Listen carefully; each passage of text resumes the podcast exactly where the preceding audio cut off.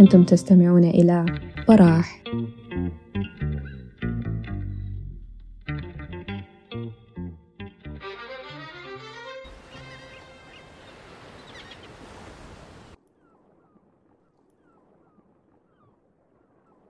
ونستنا عن عاطف حتكون مختلفة عن كل ونساتنا التوثيقية اللي قبل كده. حنحاول ناخد نفس عميق قبل ما نغرق في سيناريوهات الشاعر الاستثنائي اللي خلى للشهقة ألف معنى. حيتكلم لنا عبد المجيد التوم وصدام قضوة وهاني تيتاوي عن عاطف في أربعتاشر شهقة. وشهقتنا الأولى حتكون سيناريو البحث عن عاطف.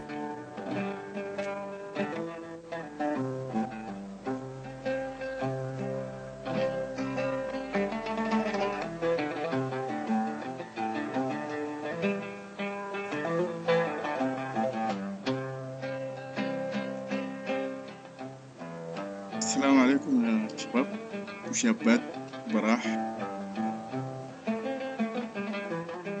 الليلة إحنا في ليلة مميزة جدا. بالاسمها زي ما سميناها ليلة بعراب الشهقة الأستاذ عاطف خيري. عاطف ممكن يكون واحد من أعظم شعراء آخر المدارس اللي ظهرت في السودان اللي هي المستشار الرمزي بتفرده بقصايده بالكم بتاع القصايد اللي كتبها اللي اتغنت منها فحنتكلم في الحاجة دي وعبارة عن شهقات نشهق في بحور عاطف ب 14 شهقة. اللي هو حيتكلم سيناريو البحث عن عاطف زي ما في المقدمة الموسيقية. نحاول نقرأه صح.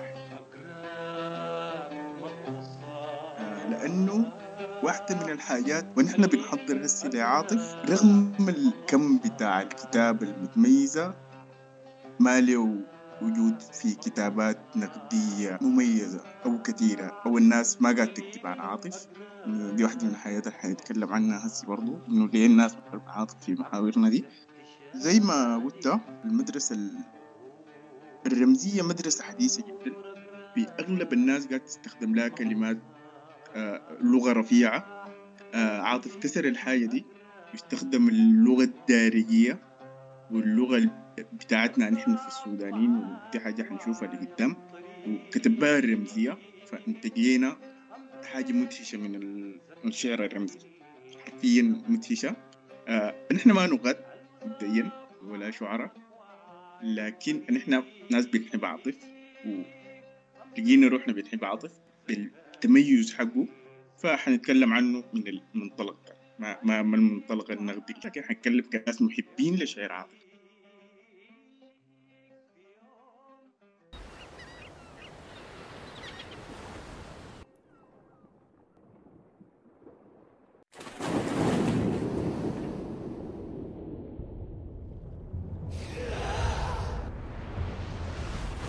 مصلاية الروح. الروح المفوتة كم وقت الوقت الموهط في النزوح طالع أعالي الفوق تحت تحتك ينقز في سطوح رهن الأصابع ومنفلت فالت إذا كنت الجنوح. وحدك منادي ومتلفت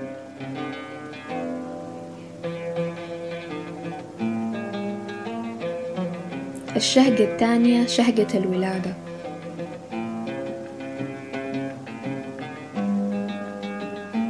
آه عاطف عوض خيري المولود آه في كريمة مدينة كريمة في الولاية الشمالية مركز كريمة حي كريمة وسط من العام 1969 آه مع انقلاب النميري بمعاونة اليسار السوداني في الزمن ذاك يعني.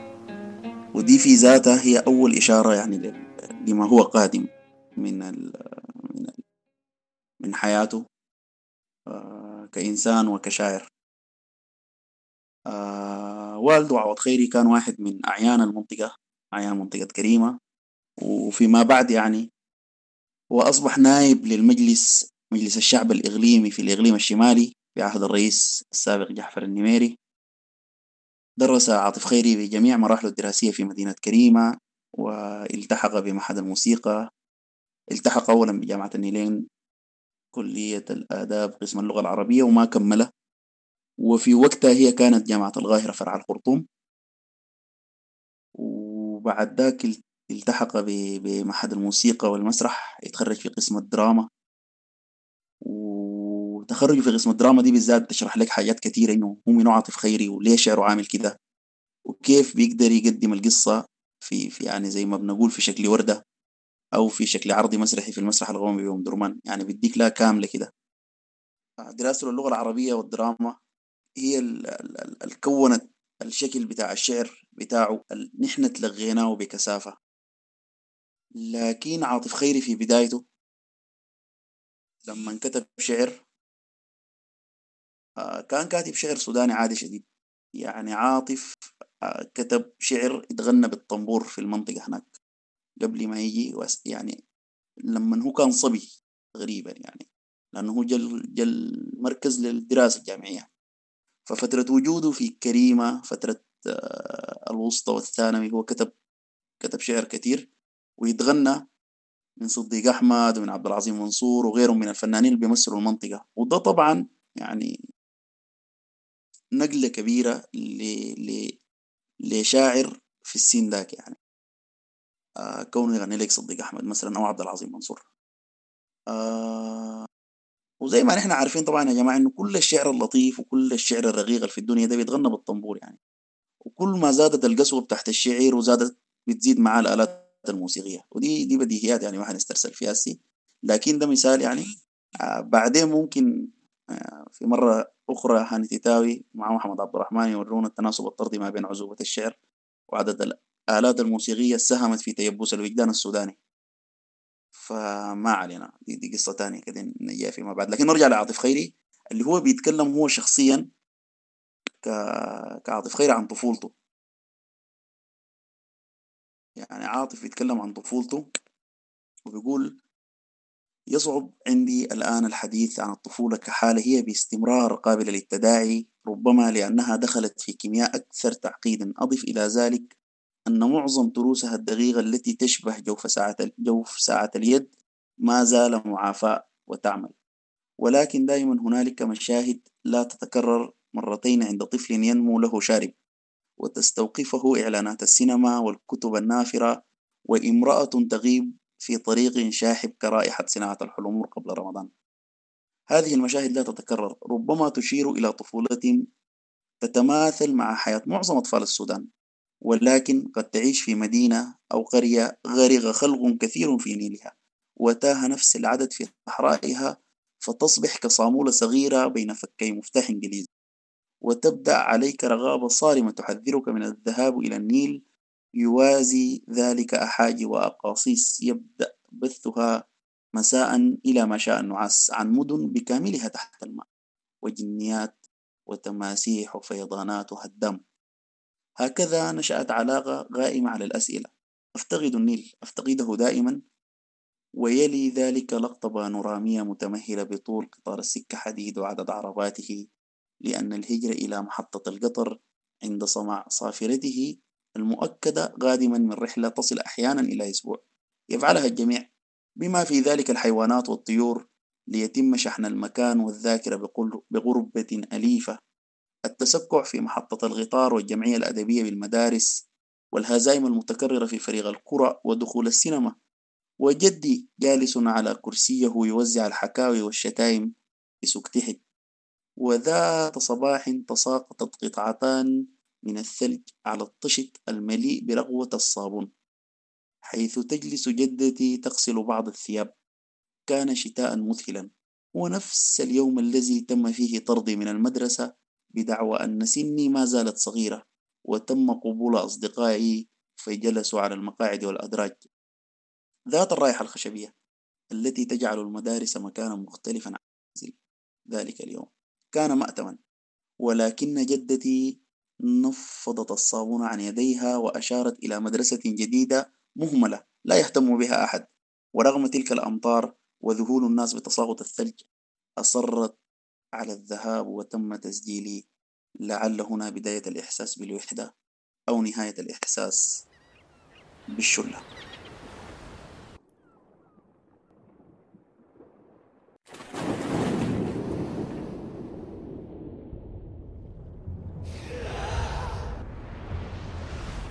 تذكر الدمعة القديمة في كهوف الرغبة واللهف المناديل. تتذكر المركب وحيدة على الشجر بعد الفؤوس راجيها نيل. تتذكر النور اللي بياخد حذره قدام التماثيل. تتذكر الشعر اللي وقف على حيله قايل للخليل. الشهقة الثالثة الغنائية كحل جذري للمشهد. طبعا زي ما قدم لنا حبيبنا مجيد إحنا ما نقاد. وأنا أنا أكره دائما إن أنا أكون في في مجلس أو في موقف الناقد أصلا. إحنا متذوقين وقلبنا حار زي ما بيقولوا. لأنه أنا شايف عاطف خيري هو يمكن أكثر الشعراء السودانيين تاثيرا في المشهد السوداني في آخر 25 30 سنة يعني. واللي بنعمله ده هو جهد المقل لأنه للأسف الشديد الحاجة اللي حرقت قلوبنا يعني إنه ما في يعني للأسف الشديد إنه التجربة بالضخامة دي إنه ما في إعمال نقدي بيليق بها لحد اسين فيمكن ده ده المحرك الرئيسي على على جهد المقل والعتبة لكم. لما نتكلم عن عن عن عن عاطف خيري جزء كبير من أنا أنا بسميه شاعر رأي وبجي للحتة دي بعد شوية لكن جزء كبير من تكوينه أصلا في وتجديده في خارطه الشعر السوداني قائم أصلا على اختزاله لتصورات زي ما قال حبيبنا صدام إنه هو كان بداها من من كلية الموسيقى والمسرح. لأنه لأنه هو كان بيكتب بال... لو بنتكلم عن عن يعني عن أبرز أعماله سيناريو اليابسه كان بيكتب بدرجية السودانية لكن في نفس الوقت كان بيكتب للقارئ العالمي مباشرة. ولاحظوا إنه سيناريو لابسه لما لما طلعت للناس وخلعتهم وخلتنا نشهق آه إنه كان عمره كم 20 سنة يا دوب. ودي حاجة بتخلينا بعدين يعني يعني نحاول نحن نستبطن ونتفهم ال ال ال ال الحاجات اللي جت ما بعد آه ما بعد سيناريو اليابسة. آه أكبر إسهام عمله عاطف خيري سواء كان على الشعر في ساحة الشعر السوداني أو أو حتى على على المسرح العالمي إنه هو رفع اللغة الدارجة بوصفها محمل لكعبة المعنى. والحاجة دي إحنا أخذناها تاريخيا بنلقاها يا جماعة بس جت في في في زنقات بسيطة من التاريخ قلبت الآية من من من من الشيء الدارج والسائد أنا قصدي كتياب للثقافة بإنه يطلع بيطلع الان ستريم ده وبيقلب الآية. حصل طبعا كان في مع مع دانتي أليجري لما كتب الكوميديا الإلهية. الوقت ذاك لما كتب الكوميديا الإلهية كتبها باللغة الما لاتينيه اللي هي كانت تعتبر لغة الكتابة الأدبية الأساسية هناك. كتبها بالدارجية الإيطالية البيضاء. وكان تعتبر صدمة بالنسبة للمجتمع الثقافي نتكلم من البلاط فما دون. لكن فيما بعد أصبحت اللغة البيضاء دي اللي هو كتب بها هي اللغة الأدبية اللي الناس بعدها بقوا يكتبوا القصائد على أساسها. وفي نفس الحال مع شكسبير بالمناسبة شكسبير في أشهر مسرحياته اللي كتبها ما تناول يعني ما تناول مكائد البلاط سواء كان في ريتشارد الثالث ولا كان روميو وجولييت ولا كان هاملت. ما كتبها بنفس المنظور بتاع بتاع البلاط إنما هو كان بمنظور شخصي تابع منه. المنظور الشخصي ده لو إحنا حاولنا إنه نميل ونتكي على على على النقد بنلقاه إنه إنه دي اللي بيسموها الغنائية. ودي أعظم هبة ممكن يقدمها الشاعر أو الفنان لجيله وللناس اللي بيقروا من من من بعده. لأنه الغنائية زمان كان معروف إنه لو تكلمنا عن الشاعر العربي إنه كان عنده الأغراض بتاعت الشعر دي اللي هي حزن وغزل وفخر ورثاء والى آخره. إنه كان بياخذ الموضوع وبيخط فيه الجانب الشخصي الجانب الوجداني الجانب الذاتي وبيدي المنظور ده. إن إحنا بيخلينا أنا أنا أتأثر دي الغنائيه الغنائيه طبعا ما بتكلم عن اللغة عن الشعر العربي الشعر العالمي كله سواء كان بيتكلم عن ال folk ولا السونيت ولا ولا غيره. الفكرة من الغنائية إنه الشاعر بيحدد موقف آه، من الموضوع وبيخلي الموضوع يمر من خلاله هو. الحاجة دي اتطورت طبعا من بالذات من من الخمسينيات فما بعد آه، لما نتكلم عن الشعر العربي انه إنه بقى التناول بتاع الأغراض بتاعت الشعر الغنائي ده okay؟ بقت تاخذ بعد أعمق وبعد أوسع من انه يكون موضوع شخصي أو فردي خلينا نسميه. لا إنه هو كان بيتوظف الغنائية على أساس إنه هو يلطف أحيانا واحيانا إنه هو يكبر مواضيع آه، شعرية آه، جديدة. يعني على سبيل المثال انتقل الشاعر من زمان إنه هو كان بيوصف ويتغزل بحسن المرأة ومحاسنها آه، الشكلية. في الغزل والنسيب يعني إلى إنه دلوقتي لما يجي يخاطب ال ال ال الوطن ولا ولا يخاطب الثورة ولا انه انه, إنه يلبس اللبس الأنثوي. ودي برضه موجودة في في في مقاربة الشعر الصوفي كذلك.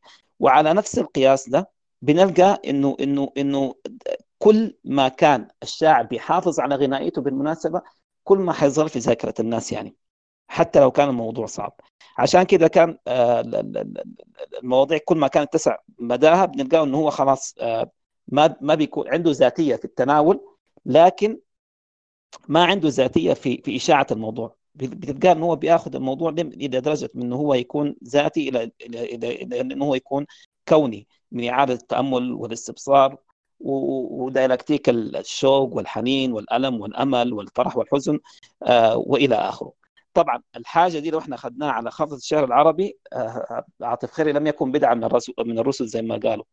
لكن آه لو إحنا أخذنا مثلا في ريادي الشعراء العرب اللي عندنا يعني على سبيل المثال عشان بس الموضوع يكون واضح لو أخذنا مثلا محمود درويش نلقى محمود درويش كان من أكثر شعراء المقاومة أو أو خلينا نسميها القضية بين قوسين اللي كان مفعم بالغنائية في كل في كل محطات حياته.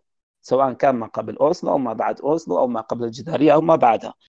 آه بتلقاها واضحة مثلا في قصيدة سرحان يشرب القهوه في في الكافيتيريا. الناس كلها لما كانوا قروا القصيدة دي كانوا يتوقعوا إن القصيدة دي هي هي قصيدة مواكبة للحدث في في قصة سرحان آه، نفسه اللي اللي كان متهم باغتيال باغتيال بوبي كينيدي. لكن لكن محمود درويش أعاد مشهدية القصة كلها بأنه بيخلي سرحان ده هو بيمثل الذهنية والإنسان الفلسطيني آه، في تغريبته الثانية اللي هي التغريبة العظمى. ما هي ما هي تغريبة الفلسطينيين في من كم و40 آه، في الخارطة الفلسطينية؟ إنما نتكلم عن التغريبة الثانية لما لما الفلسطينيين آه، يعني هاجروا إلى الدياسبرا الغربية. وأعاد استكناه وتكوين الشخصية الفلسطينية من المنظور ده. الحاجة دي مثلا بنلقاها عند امل دنقل. معروف جدا في المثال ده. لما نتكلم عن إنه كيف هو أعاد صياغة مسرحه الأحداث اللي كان بيمر بها بإن هي تتواءم أو تتطابق مع شكل بشكل أو بآخر مع مثلا البكاء بين يدي زرقاء اليمامة ومع فيما بعد لما لما كتب أقوال جديدة في حرب البسوس. ودي كان نقطة مفصلية خالص لأنه هنا بان إنه الشاعر ما عليه إنه هو فقط إنه هو يحلل ويبشر وينذر فقط إنه لا إنه ممكن يكون آه يكون شاعر راي بأنه هو يشوف اللي اللي الناس ما شايفينه. فلما كتب لا تصالح كان كتب لا تصالح وكان ما بين آه ما بعد حرب أكتوبر لحد آه توقيع اتفاقية كام ديفيد كتب القصيدة كان سبع سنين لسه باقي على كام ديفيد. هو بيقول للسادات أو بيقول لصاحب السلطة من الوقت ذاك آه لا تصالح. الحاجة دي بنلقاها واضحة جدا مش واضحه واضحة من حيث الموضوع. لأنه لو أخذنا فقط سيناريو لابسا بنلقى انه انه إنه عاطف خيري كتب اللي ما كتب فيه على مستوى الشعر بإنه يرفع يرفع من نفس التناول آه، للشأن السياسي السلطوي الثقافي السوداني وإنه يدين بيدين النفس بتاع الغنائية الثقيلة دي ودي حنجيها بعد شوية.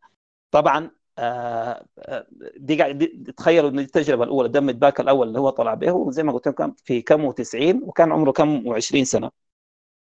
آه، فيما بعد طبعا لما جاء وقت التجديد اللي بعديه الناس لما أنا أتذكر لما لما طلع إصدار ظنون انه انه إنه الناس كانت مخلوعة لأنه هم لقوا إنه هو غير طريقة الكتابة وموضوعها 180 درجة حتى إنه الناس كانت زعلانة إنه ليه ما هو كمل في الحاجة دي.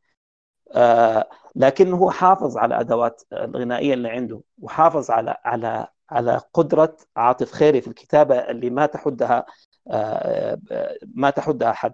يعني لو أخذنا مثال يعني أنا أتذكر إنه كان أول نص وقع في عيني وأنا كنت فتحت الظنون كان الجلوس. أنا يعني حرفيا أنا كنت واقف وأنا قاعد أقرأ حرفيا أنا قعدت. لأنه لأنه الطريقة اللي بيتناول فيها دي, دي طريقة ما ما بتكون أو ما تتأتى إلا إلا الواحد زي عاطف خيري. آه اذا كيف تمضي الظهيرة؟ دون أن يجلس رجل ما في مكان ما يتفقد سمكة في نهر غربته وما تبقى من سيئات. بالجلوس على شوكة. تجلس عاطلة ناصية الحقل. الحق جالس في ذات خضرته الأخضر لون الجلوس يهمس في أذن جاره بأفحش الألوان. الجلوس على بنبر يعلو كلما اتكأ الظل. وبعد كده لما يجي يقول لك إنه الملك جلستك خامل الذكر على مقعد مغمور ترشف شايا لا يروج له الإعلان. وحدك كأمره. لا تعبأ بمن جاء لا بمن ذهب. الجلوس من ذهب. لحد ما يمشي. يعني بقت الفكرة إن هو أخذ الوحدة بتاعت الجلوس دي واللي هي وحدة ذاتية لزول بيجلس. وبعد كده بيبقى يضاعف ويطلع للمعنى الكوني بحيث إنه بيخلي كل ما حوله من من أشياء ومن علاقات في العالم ده كله أصلا مطفور بفكرة الجلوس. وانه الجلوس ده ما ما ما فعل بشري بقدر ما هو فعل فعل فعل كوني. آه وإنه كل حاجة حوالينه هو في اللحظة ديك وفي الآن ذاك إنه كل حاجة حوالينه هي هي آه, آه، بتجلس. لحد ما قال جالس في أمان الله قال قم. كلانا يرى أننا كثيفان وهو يعلم أن في الأمر نظر. حملت معصيتي وقلت بلاد الله ضيقة إذا بيعت صكوك الآخرة. الطبيعة جالسة للمشاط. الناي أضجر الماشية. الماشية أضجرت الحقل. في صلاة الجنازة لا يجلس المصلون. الموت أن يستلقي الرجل بعيدا وحذاؤه جالس بالبيت.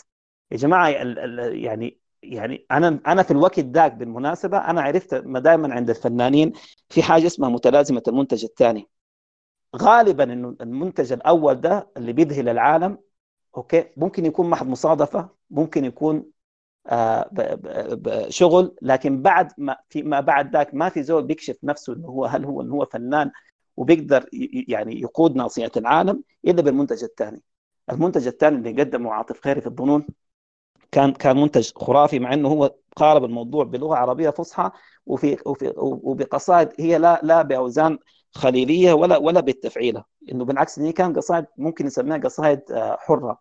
لكن كان فيها كان فيها إيقاع إيقاع إيقاع مجنون وأتوقع إنه إحنا ممكن نكمل في الحاجة دي في في الشاقات الجاية. آه إنه إنه عاطف خيري نفسه آه في في في غنائيته إنه ياخذ ياخذ آه ياخذ حتات سوداوية ومتشابكة ومتقاطعة وجدلية كثيرة ويرمي فيها كلمته لحد ما هو يخلعك فعلا يخليك تشهق زي لما قال آه زي لما قال يا مجلوبه في قافلة رق يا جماعة ده, ده دي سطله يا جماعة ده شرخ للوعي للوعي الوجداني السوداني التاريخي من أول لحد آخره. لأنه فيما بعد الواحد عرف إنه إنه من اتفاقية البقت لو إحنا اخذناها يعني اللي هي قبل قبل 1500 سنة آه تقريبا من اتفاقية البقت كان كل ما يوقع على مساومة سياسية في حدود وخارطه الوطن دي لازم يكون فيها لازم يكون فيها تعامل وتسوية مع الرقيق ومع مع موضوع الاسترقاق. إلى أن وصلنا حتى في الوقت اللي هو قال عليها يوم سمايتك شكل قامتك لما كان بيتكلم عن عن استقلال السودان في في في 56 عشان كده آه، أبدع ما عمل عاطف بالنسبة لنا إحنا يعني كمتلقين في في في شهقتنا الأولى إنه هو قدر إنه يتناول الشيء السياسي السائد المثقل بال بال بالأخطاء والمثقل بالمشاكل إنه هو يعيد تقديم الحاجة دي يا جماعة لدرجة إن إحنا بنخلينا إحنا مبهورين وبنراجع التاريخ وبن وبنحاول نوجد بينه بين التناص ما بين ما كتب عاطف خيري وما كان هو آه واقع. آه حتما زي ما عمل في سيناريو اليابسة. لما كتب في سيناريو اليابسة أتوقع إنه كان كان المشهد كله ما بين اثنين ما بين حتمية ارهاص النبوءة وما بين جدلية الاستقرار السياسي ودي يمكن آه نجيها بعدين. وبكده نكون أخذنا نفسنا من الثالثه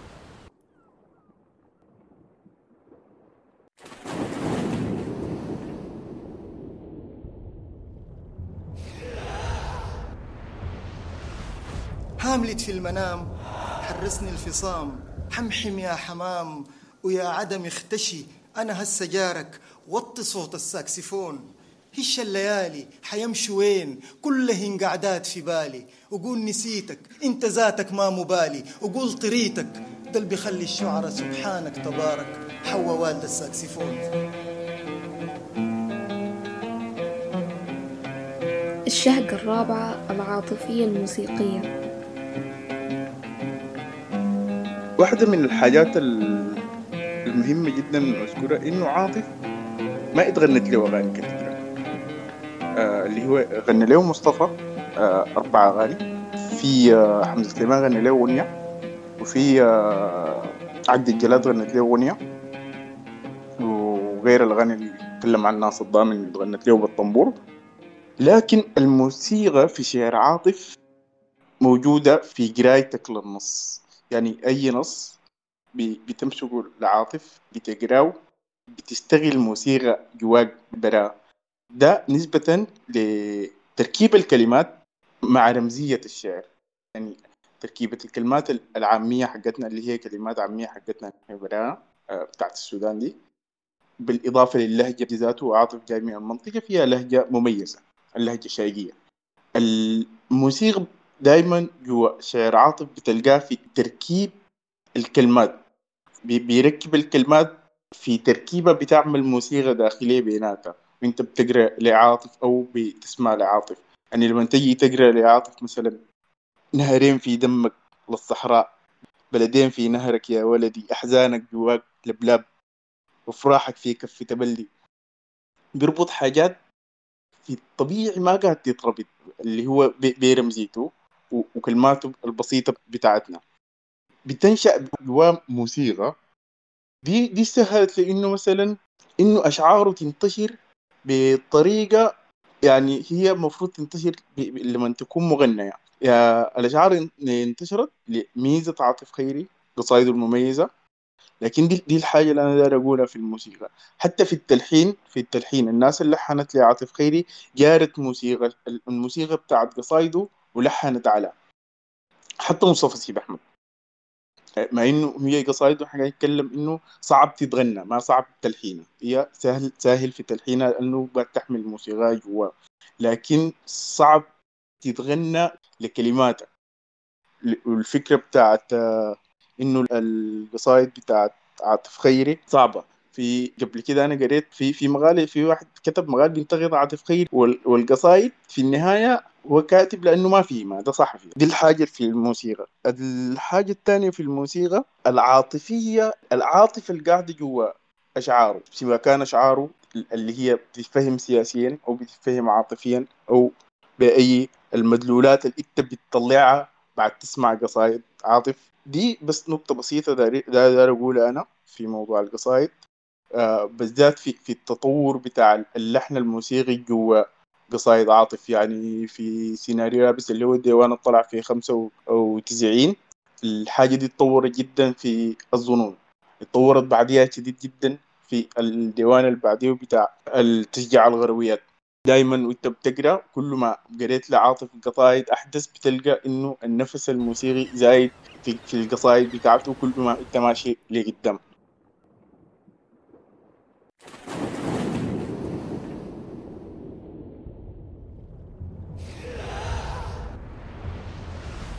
صوتك وقت البحر ببال مراقب العمدة ظهر النيل عرق والشمس فوق حبل الغيوم شرت جلاليب النعاس ناشف غريب مبلول شرق والمطر زي شفاع العيد تدخل غرف كل البيوت. حكمة الجوع الشرح للأرض كيف تقرأ المرق؟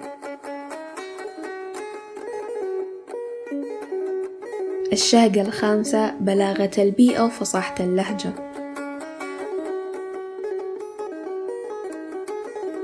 بلاغة البيئة وفصاحة اللهجة دي.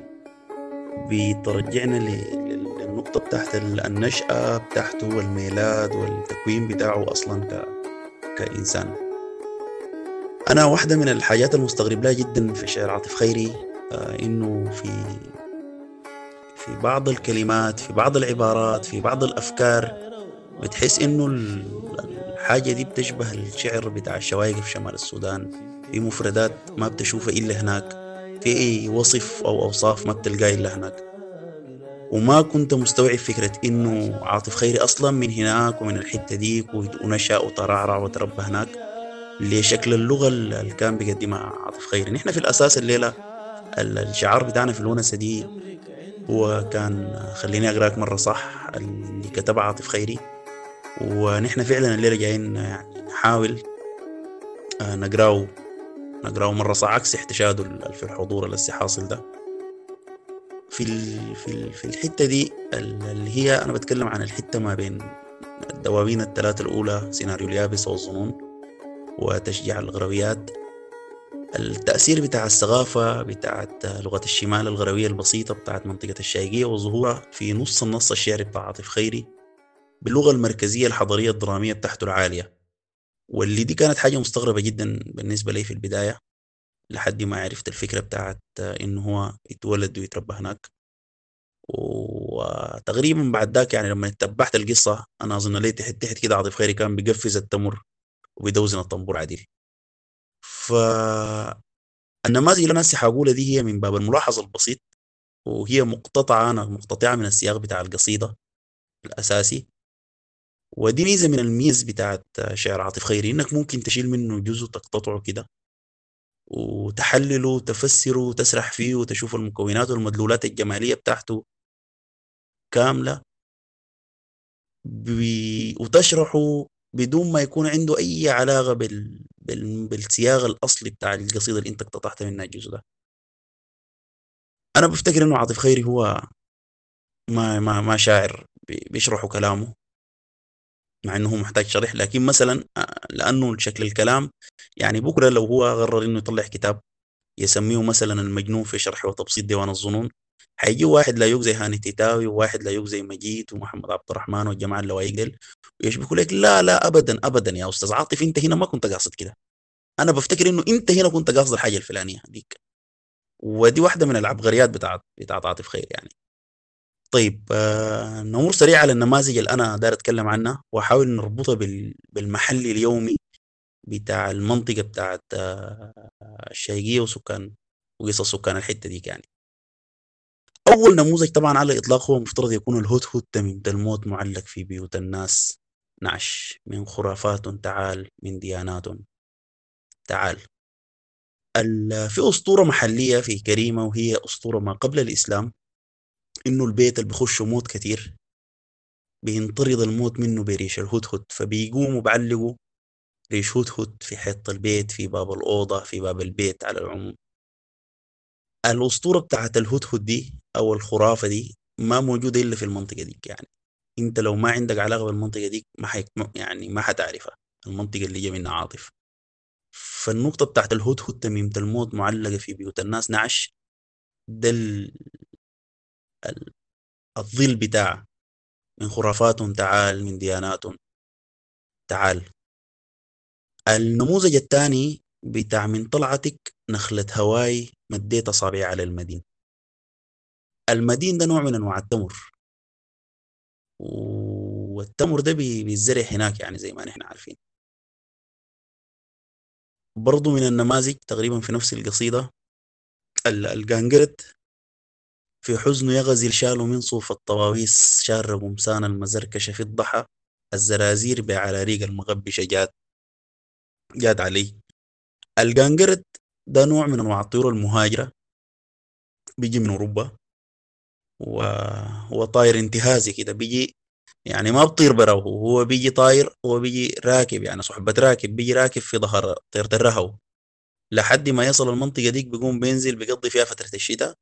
وبيرجع تاني في ظهر طيرة الرهو آه يرجع أوروبا لما البلد تكتم يعني عشان شنو؟ عشان نفهم إنه ذاته القنقرة ذاته راجل واعي كيف يعني. بيجينا في الشتاء وأول ما تكتم بي بيتخارج يعني. فالقنقرة كلفظ قنقرة هو موجود في كذا منطقة في السودان لكن في المنطقة دي بالذات هو بيقول له القنقرة آه القنقرة في حزن يغزي شالوا من صوف الطواويس. القنقرة وهو يعني هو طاير غلق. يعني ما بيثبت في حتة واحدة. ومن أصعب الطيور الممكن تتقبض في في في شرك وكده يعني.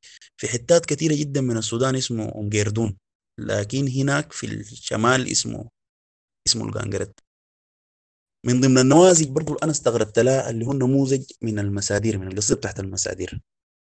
من من المصدار جيم تقريبا ولا با تقريبا.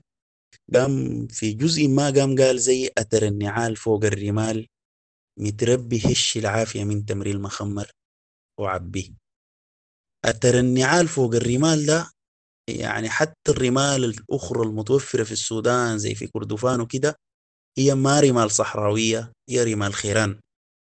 فأثر النعال الفوق الرمال متربي الظهر في المصدار بتاع باب الروح دي علاقة زول عنده علاقة قوية شديد بالشمال.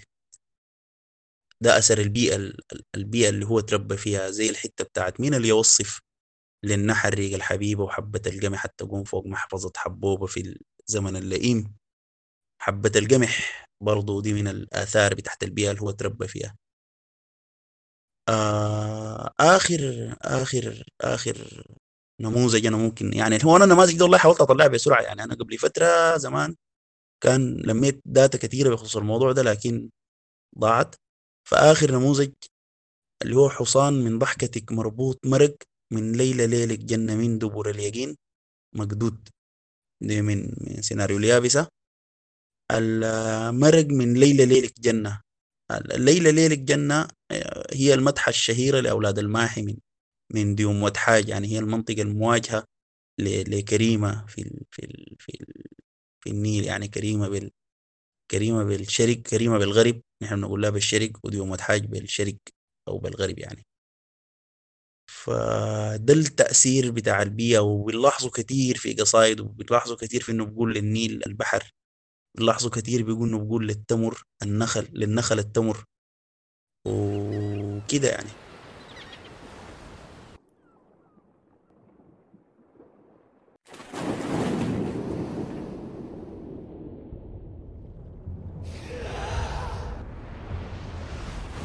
عيونك سما ورمشك قريب يفج في الغمامة ويخزل النحيب. بلاد انجبتني وقالت غريب عطشت وسقتني رحت ولقت ولقتني فكيف علقتني بذاك الصليب؟ الشهقة السادسة الطناس مع الميثولوجيا والسرديات الدينية. أنا بشوف إنه في في خطأ أو أو خطأ كبير للناس المتسوقين أو اللي بينقذوا آه قصائد ومشروع عاطف خيري إن هم بيتصوروا إنه التنصات اللي هو بيقدمها. هي تنصات آه رمزية بين قوسين سيمبوليك يعني. آه زي زي لياقة صدام قبل شوية اللي هي لياقة كسلانة. لما يبقى على معنى واحد بس وبيقرض عليهم. زي ما موضوع إنه الهدهد إنه الثقافة السردية اللي هي موجودة في كريم انه ليها علاقة إنه هي بتاعت تميم الموت وخلاص كده. أنا لقيت لي حاجة وقفلت على كده. مع إنه الموضوع عند عاطف نفسه في توظيف الهدهد هو توظيف كوني إن هو بياخذ من من الحاجة الثقافية اللي هي موجودة ربما في الهامش وإنه إنه إنه هو يبلغ فيها المبلغ الكوني العالي ده.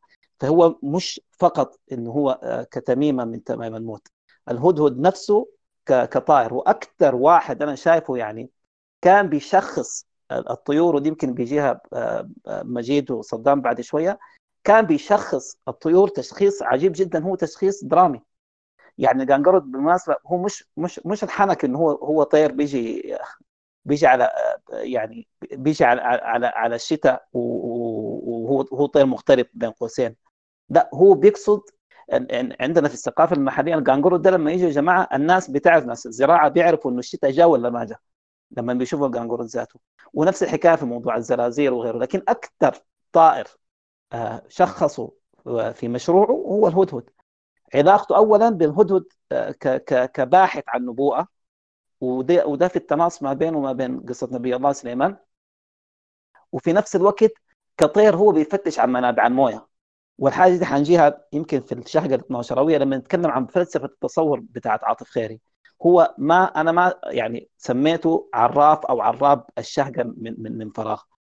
آه لكن لما نيجي لفكرة تنصاته اللي هو بيأخذها كرمز زي ما قلت لك هو هو هو مسرحي مسرحي بدرجة فظيعة خالص. فلما بيأخذ الشيء آه، الصورة اللي هو بيقدمها هي ما بتكون صورة لازم تكون مرئية يا جماعة. يعني ده الفرق بين ما يكون التناص رمزي symbolic symbolic يعني يعني مثلا أنا بكتب قصيدة بقول يا عزة. أي واحد بيقرأ القصيدة دي بيقول أيوه هو قال يا عزة معناه هو بيقصد آه، عزة اللي هو معناها السودان اللي هو اتكاء على على خليل فرح. وبس. لكن لا بيكون الشيء أبعد عند عاطف خيري لأنه هو بيكون عالم كامل عالم كامل من التناصات دي. أصلا أصلا هي يعني مبنية ومعمارها أصلا فوق فوق فوق كون هو هو هو أوجده بعلاقات مختلفة من منظور وجهة نظر الشاعر نفسه. دي إحنا ما بنسميها رمزية إحنا بنسميها في النقد بنسميها آه، دلالية آه، سيميولوجية أو سيميائية لما بيعربوا الحاجة دي.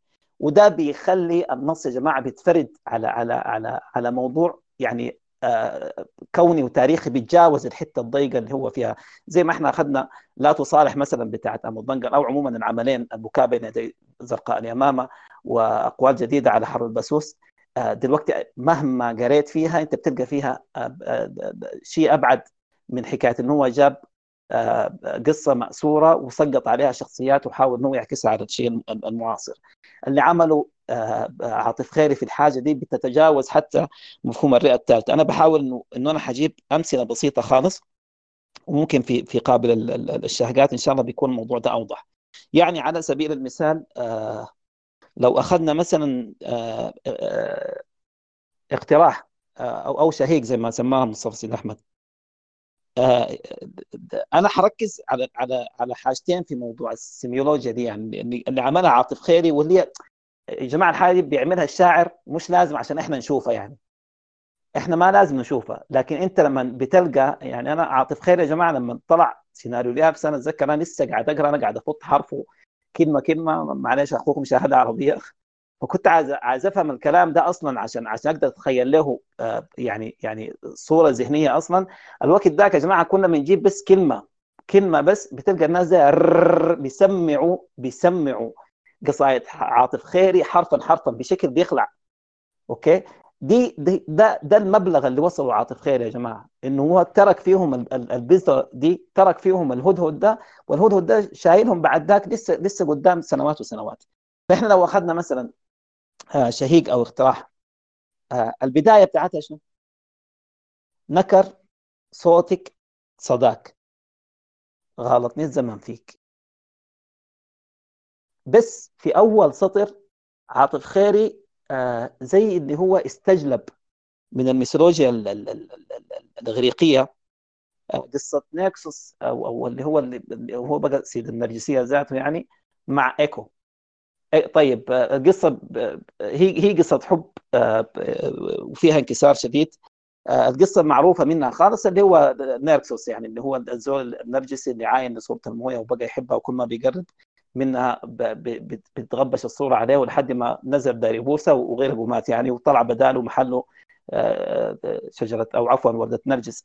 الحكاية دي ما هي ما ما, ما تقتصر على كده. الحكاية أكبر من كده إنه كان في حورية أو عفوا هي واحدة من وصفات آه، حيرة مرت زيوس هو كبير الآلهة الأولمب عندهم آه، إنه هي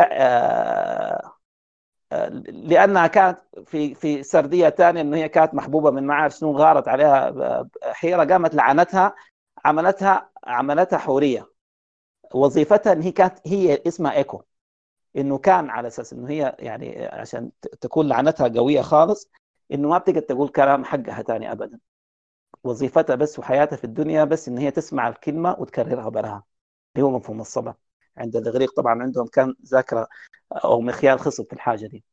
الفكرة إنه إنه ايكو دي ذاتها حبت نيركسوس وهي من من يعني يعني تولهت في حب نيركسوس لكن ما قادرة إن هي تعبر بالحب ده لنيركسوس لأن هي عبارة عن صدى بس. فالفكرة إنه اللحظة اللي نيركسوس طبعا نيركسوس قصة قصته قصة ما ما عايزين عامل زي قرابات السودانيين رأيته. لكن عموما نيركسوس لحد ما وصل للنهر وعاين وجا كيوبيت برضه بمهمة وضرب سهم الحب في قلبه على أساس إنه هو إنه هو يعشق صورته. كويس.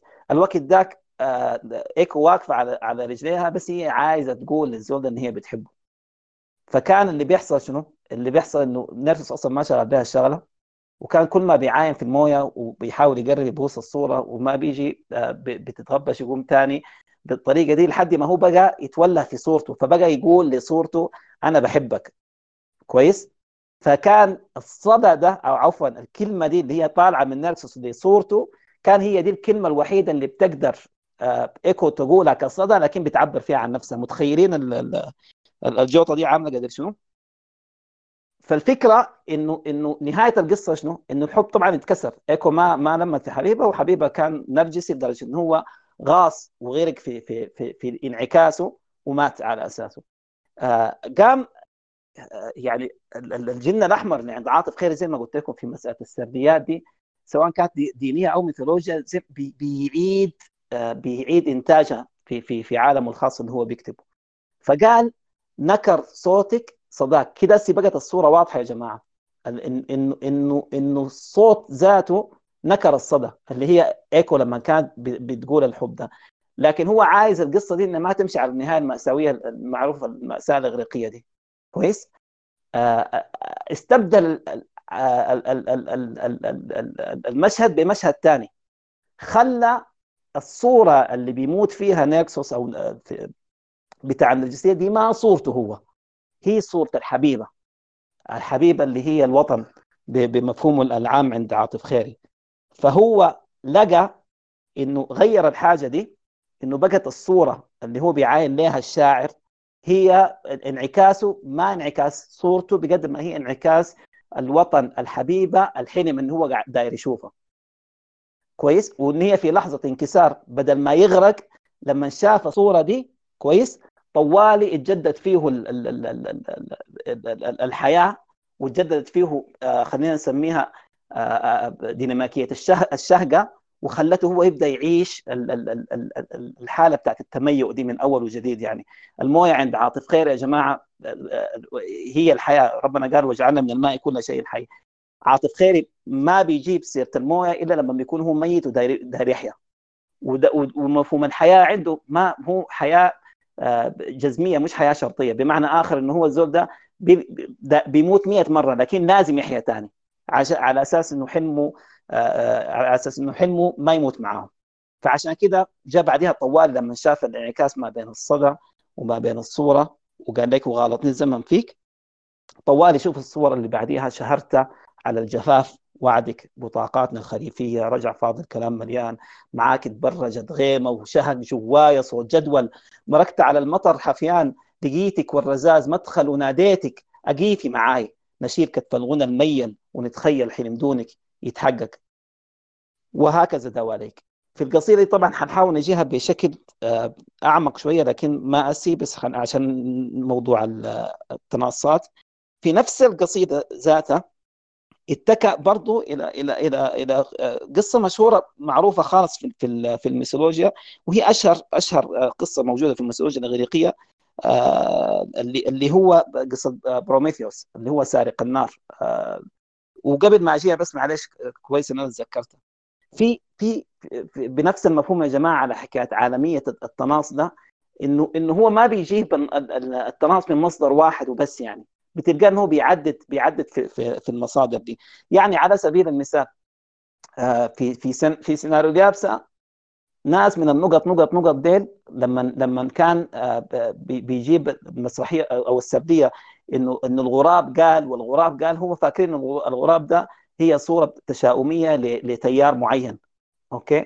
ودي واحدة من يعني من أقبح الحاجات اللي أنا كنت بحض يعني بسمع يعني سيناريو لابسه المفروض لما لما لما لما يلقيها عاطف خيري الناس تسكت وتندهش وتشهق وبس لكن الناس كانت بتضحك كأنه كان كان بيقدم لهم مسرحية يعني ليه؟ لأنه هم خاطين في بالهم إنه يعني عاملين الناس التفاتيح ديل انه ان هذه الرمزية اللي هو كان قصيدها مع إنه هي ما كده ما ما كده ليه؟ لأنه في في في في القصة الإنجيلية لسفينة نوح عليه السلام لما هي ماشية للجودي يعني هي خلاص قربوا قطعوا البحر وبقوا ماشيين على اليابسة في في آه في آه جزئيتين. الجزئية الأولى بتقول إنه في يمامه بيضة من السفينة طلعت ومشت شافت البر ورجعت وبشرت بالحاجة دي. وفي برضه سردية ثانية بتقول إنه اللي عمل الحاجة دي كان غراب أسود. ودي عبقرية من عاطف خيري إنه إنه يخلي الاثنين موجودين وبيديهم نفس حكائي لكن بحيث إنه ما في ولا واحد منهم يلغي الثاني. آه, آه، ولما نرجع لموضوع انعكاس الموية عند عاطف خيري عاطف خيري آه هو هو شاعر للماء زي ما إحنا ذكرنا قبل شوية. القصة يا جماعة بتاعت نيركسوس دي انه إنه لازم يكون في حالة بتاعت انكسار أو أو أو أو أو أو فاجعة بتاعت فراغ وجودي. بقرب الموية. ما ما كانت موجودة بس في القصة القصص الإغريقية. لو إحنا أخذنا حتى القصص القرآنية آه، آه، أم موسى عليه السلام بعد بعد ما آه، راح لفرعون كويس اللي هي قطع النيل خطته من في تابوت من الضفة ومشى لحد الضفة الثانية. كويس؟ في القرآن بيقول وأصبح فؤاد أم موسى فارغا إن كادت لتبدي به اللي هي فجع الأمومة من إن هي ما لاقي ولدها. والحاجة دي مربوطة برضه بالنيل أو البحر زي ما قال صدام.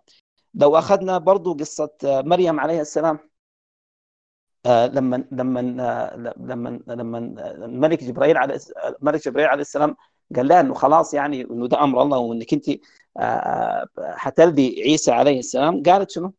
أول ما فأجاءها المخاض إلى جذع النخلة قالت يا ليتني مت قبل هذا وكنت نسيا منسيا القصة ما بتنتهي هنا. فناداها من تحتها. ألا تحزني قد جعل ربك فناداها من تحت.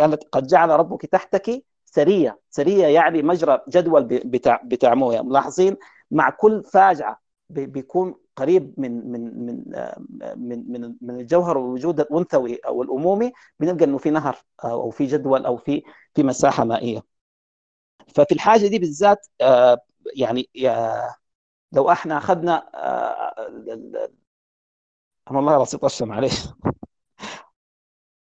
انه انه لما نيجي نتكلم عن عن عن سرديه التميؤ دي الموجوده لعاطف وزي ما قلت لك في في الشهقه ال 12 هنحاول نوضحها بشكل اكبر من كده كويس بنلقى انه انه انه الامل أو عفوا انه الحلم وحاله الصحو وحاله التميؤ دي هي حاله متلازمه عنده انه انه انه لازم إنه لازم آه، يفرهد إنه لازم يتملي مساحاته موية عشان عشان لو هو مات آه، حلمه حلمه آه، حيموت وراه. بتلقى مثلا في في نفس في نفس اقتراح أو أو شهيك زي ما قلت لكم اللي هي اللي هي الميثولوجيا بتاعت بتاعت بروميثيوس اللي هو سارق النار اللي مشى وسرق نار نار الأولمب وجاب النار دي للناس. ودي طبعا معروف إن القصة دي اللي هي بتتكلم عن المعرفة إنه في ناس قاموا يعني الأوائل إن هم قاموا واجترحوا النار. لكن في مقابل إنه هو ثوريتهم بحيث إنه الناس لازم تعرف كويس كان في المقابل العقوبة اللي هي جت عليهم اللي هي مفهوم الصلب. آه، بروميثيوس بعد ما اتصلب طبعا كان على على بين جبلين وكان كل آه، كل آه، يوم بينبت له كبده بيجي طائر الرخ بيقوم ياكل من كبده وبيمشي لحد ما ينبت له الكبد مرة ثانية اللي هو اللي هو البرزخ بتاع العذاب ده جزاء على إن هو آه، يعني يعني حرر المعرفة من من من طبقات كان تحتكرها وإن هو حاول إن هو يشيعها. الحاجة سبحان الله بنلقاها برضه في عند عاطف خيري بالذات في في في شهيق لأنه لأنه شهيق دي من أعزب الغنائيات الموجودة في الشعر السوداني قاطبة يا جماعة. موضوعها صعب لكن عشان كده كان عنده رئة ثالثه أصلا عشان يخلي الموضوع القصة أو السرد يكون غنائي أكثر على أساس كده إحنا بنعشق وبنحب فيه آه، كل يوم بزيادة. قال الجدول طلوع النخلة مرور الريح واحد لكن الريح بتعانق حقل ونحن بنطلع نخلة وننزل ونكتب في ذاكرة الصفق الأخضر سجلنا الريح في الورق الأبيض وجهناها ضد التمر الناعس يسقط زي قبعة الحارس زي اللي كان بيناتنا وفات لو أنتوا أخذتوا الصورة دي هو بس بدل النار وبدل بروميثيوس آه وبدل آلهة الأولمب عمل توليفة جديدة ما بين نخلة وما بين زول بيطلعها وما بين الريح. الريح اللي هو اللي هي السطوة بتاعت بتاعت الواقع السطوة السياسية الكبيرة الضخمة. آه هو كان بروميثيوس. بالنسبة له ما كان الفكرة إنه هو يمشي يسرق النار من من جبل الأولمب بقدر ما إنه هو يطلع النخلة دي ويجي نازل تاني. الفرق إنه هو في طلوعه وفي نزوله عارف إنه إنه الكفتين ما ما ما, ما قدروا بعض. عشان كده كان بيقول ونكتب في ذاكرة الصفقة الأخضر سجلنا الريح في الورق الأبيض يقصد للأجيال اللي بعديها. الحاجة دي طبعا في في بروميثيوس انتهت زي ما قلنا لكم بمفهوم الصلب وال وال والعذاب الأبدي اللي هو عاشه على أساس الحاجة اللي هو عملها. برضه بنلقى إنه في القصيدة حنمشي كم مقطع لقدام. بيجي بيقول فيها عاطف خيري يا كن يا كنا نبيعك يا نسرق اخترنا النار تضلها بيحرق طمناك إنه الدنيا بخشها ضوء يجرح جلد العتمة لما الليل قربان فجرك. ودي بالضبط يا التضحيه اللي كان لازم يقوم بها بروميثيوس ولازم يقوم بها الشاعر آه على على أساس على أساس انه الحكاية تستمر وما تنتهي في وقتها. إنه هو اختار. اختار إنه يا يبيعها يا يسرق. يسرق شنو؟ يسرق طلوع النخلة دي ذاتها. كويس؟ عشان كده اختار. لما اختار اختار هو واعي بإنه اختياره ده إنه اختياره ده بيودي لعذاب أكثر ما حيريحه أصلا. عشان كده قال اخترنا النار الضلها بيحرق. وفي الحاجة دي بنست... بيكون في تداعي ما بين عاطف خيري وبنفس الوقت ما أمل ضنقل يا جماعة في مسألة ال... الشاعر الرأي. وعاطف خيري حنيجي برضه لقدام حنلقى إنه من أكثر الشعراء اللي كان مفعم بالنبوءة وبالرؤية إنه في حاجات كثيرة هو قال عنها وصدقت. وده بيرجعنا أصلا لمشكلة البلد دي. اللي اسمها السودان. يا جماعة لو أخذنا بس نموذجين من بنلقى إنه المشروع الأدبي اللي اتكتب في حقبة سابقة من الزمن بنلقى إنه الدائرة السياسية بتاعت البلد وهي بتمشي لقدام ماشية بحذافيرها على المشروع الأدبي اللي اتكتب قباله. أبو دي بلد يا جماعة.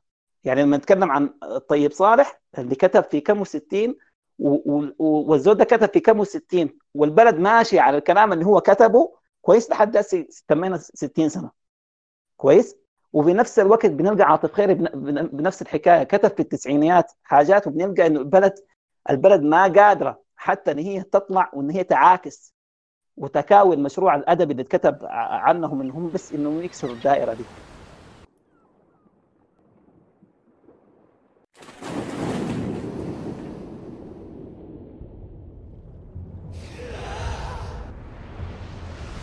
انت انت الوحيدة.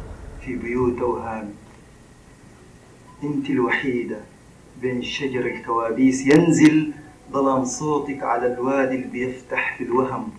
قطيا من قش التحانيس تلقي روحك. راجعة من ذاك جروحك وتبكي أول عتمة شافت فيك حبها للفوانيس. الشهقة السابعة الحواريات ومسرح استنطاق الطبيعة.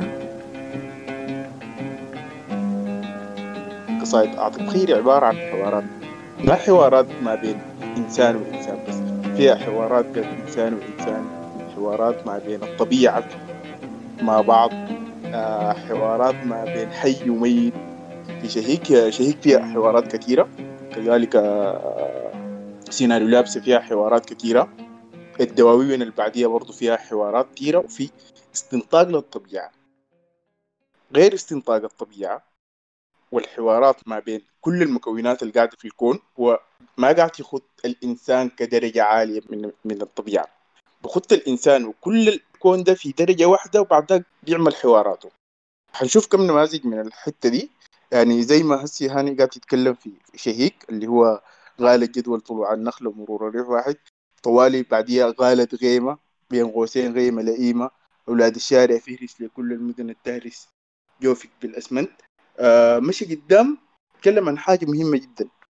في في حوار جميل جدا جدا. يعني من أجمل الحوارات اللي أنا قاعد أستمتع بها في قصائد عاطف اللي هو قال الأبيض للأزرق.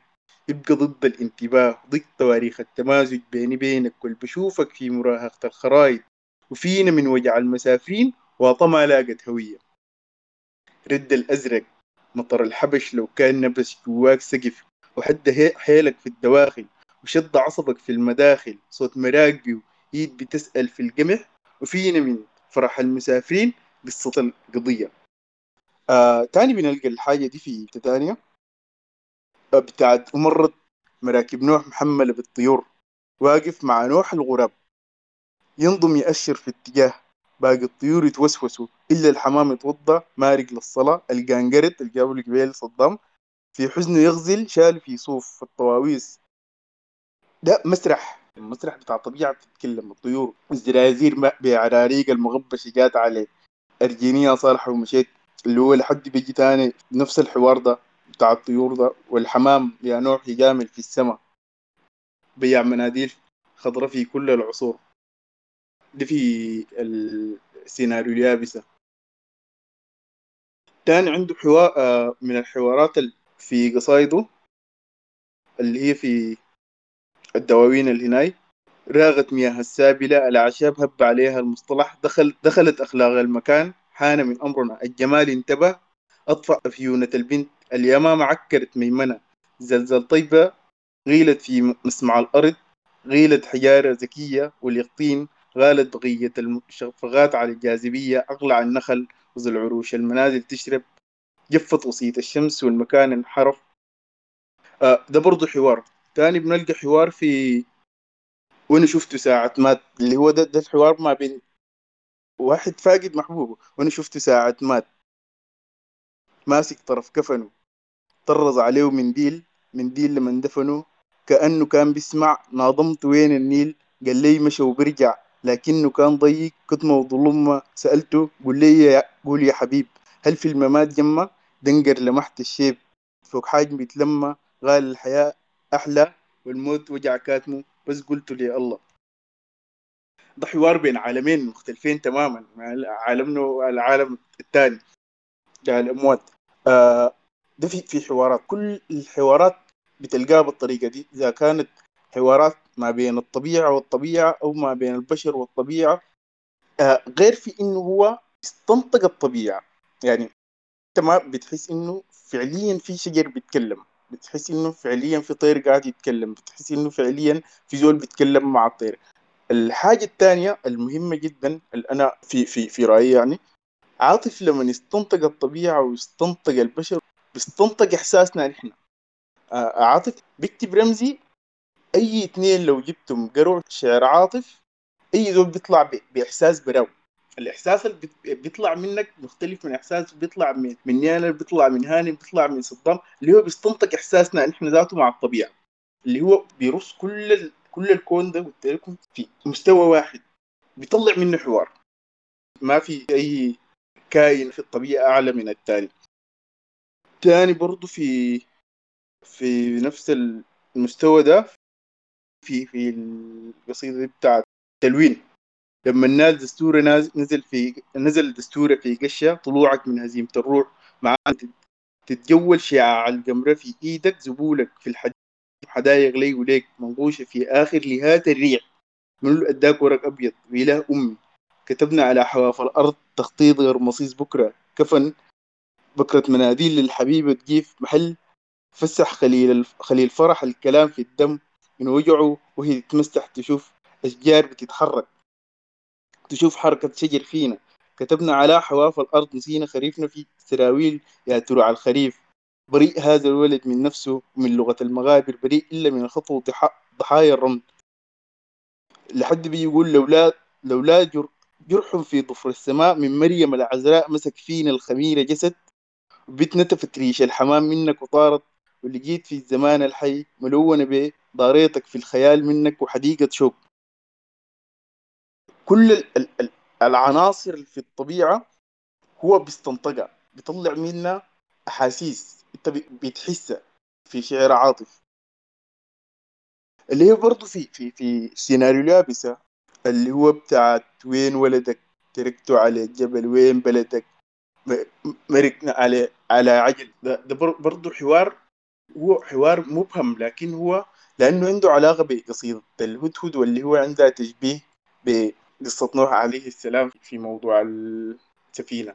برضو اللي هو دي دي واحدة من الحياة بتاعت الطبيعة اللي اتكلم عنها برضو اللي هو في موضوع الطيور والحاجات اللي قلتها قبل شوية. في استنتاج الطبيعة ما بتلقى بتلقى عاطف بيبني القصيدة. في البداية في التعريف بتاع عاطف عاطف قاري مسرح آه، قرا فنون في فترة آه، قرا لغة عربية لكن ما كملها. البناء الموسيقي ذاته عند عاطف بيعمل مسرح مسرح كبير بيرص فيه حوارات. اللي هو حوارات الطبيعة حوارات الإنسان. كل البناء إحساسك بيكون إنه جزء جزء من الحاجة دي داخل القصيدة.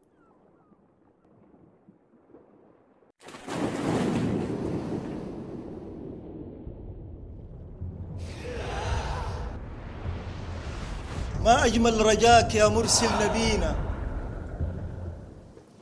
الصلاة السلام سيد أي فينا. الصلاة والسلام من هنا للمدينة ونحن مهاجرين.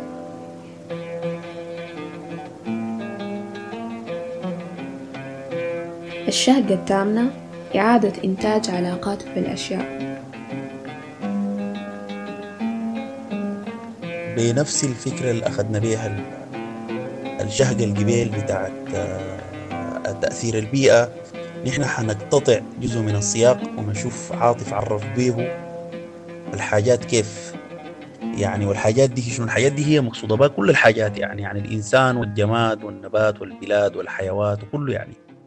ودي عاطف خيري برح فيها يعني بصورة جامدة يعني بصورة مبهرة جدا. يعني مثلا أنا لو كنت يعني مثلا عاطف خيري طوالي بجي بقعد بخلي في رجلي في أتنيه وبطلع كتاب بسميه فلسفة تغيير الأشياء تأليف الدكتور عاطف عوض خيري عن دار يهتدون للنشر والتوزيع. وكده يعني عرفت بكون جاري هوا بالمجتمع بال- بال- بالصورة دي بس بأبيات من الشعر كثير ال- اللي أنا كتبته. فالنماذج ال- ال- اللي أنا حاجيب هسي هي نماذج مقتطعة من صياغة من صياغة القصيدة الكلي. آه عشان يعني أنا شايف هاني قبيل الرايع زي الضايق كده. آه هي مقتطعة من صياغة القصيدة يعني ما بتشكل المعنى العام بتاع القصيدة لكن هي بتشرح نفيسة. آه ودي آه، يعني الحاجة دي هي ذاتها حولت الشعر والنص من مجرد إنه موسيقى ومعنى لفلسفة ولحياة جديدة. فكيف ممكن نشوف عاطف عرف ال- الحياة الجديدة دي؟ بال- بالنماذج ال- الحاجات اللي هو عرفها بالوصف اللي وصفه في شعره. يعني مثلا قال اللي بيخشوا الحضرة دون ما نوبة من غير ما يدقوا الباب. واللي بيدسوا الفكرة فيه ضحكت بنات نعش البنادن قمرة تغسل جمرة فيه ريق السحاب واللي بيحرسوا الخمر في النخل اللي بصح التمر نص الليل. إذا نقص الشرب. ال- الصياغة الجزئية دي هو بيتكلم عن الصحاب بعيدا عن صياغة القصيدة هو بيتكلم عن الصحاب فشوف هو عرف الصحاب بإنه هم ال- ال- اللي بيخشوا الحضره دون ما نوبه واللي بيحرسوا الخمر في النخل اللي بيصحي التمر نص الليل إذا إذا نقص الشرب. فأنا ما أظن لي في يعني أصحاب ممكن يتوصفوا بوصف أجمل من كده يعني.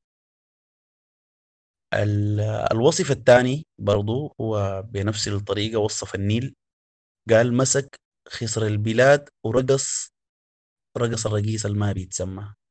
طرد من باله نقنقة البوابير لا يوقع الأغاني يا غازل في البيوت غمر كل الكمين. شوف الرجالة دي. وما جنا وما جناه العاشق المخبول من جيف الحبيبة. وصح دخلتنا مرك هذا النتن والجندي والوطني إذا لا بد من هذا الكنيف. يعني أنا ما يعني المهم إلا الضوء أظن جهجهة التساب اللي يتوصف فيها النيل ب ب ب بالرجالة دي يعني والحقارة دي. أفتكر؟ و... وعاطف لما هنا وصف النيل ومويته. من ضمن التوصيفات الغريبة جدا اللي أطلق عاصف على على الحاجات على الليل. مثلا عاطف قال الليل يعني ممكن ممكن تجيك في امتحان أملأ الفراغات. نقط نقط نقط نقط خمار القمرة مجدوع في الفراغ يعني شوف الزول ده وصف الليل ده كيف. خمار القمرة مجدوع في الفراغ دي حاجة ما منطقية يعني ما طبيعية وما مقبولة ذاته. وفي نفس القصيدة قال كل المجرات النيازك والشهب ودع راميه الله على السماء. شوف ال... يعني شيل الجزئية دي من صيغ القصيدة وأمسكها بكل المجرات النيازك والشهب. يعني كل الحاجات في السماء اللي هي مضوية دي المجرات والنيازك والشهب والقصص دي ودع راميه الله على السماء والدنيا تحت آه، زار من من برضو التعاريف الجميلة لعاطف خيري للنيل ودي تناقض فكرته الأولى للنيل. قال النيل النيل قطع راحت كل الجزائر.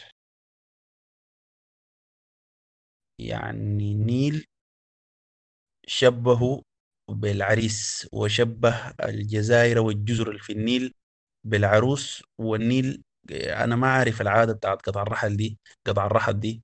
إذا الناس آه، مفتكرة كويس لكن هي الرحل ذاته ما هو بتاع اسي بقوه شايف بقوه لطيف كده.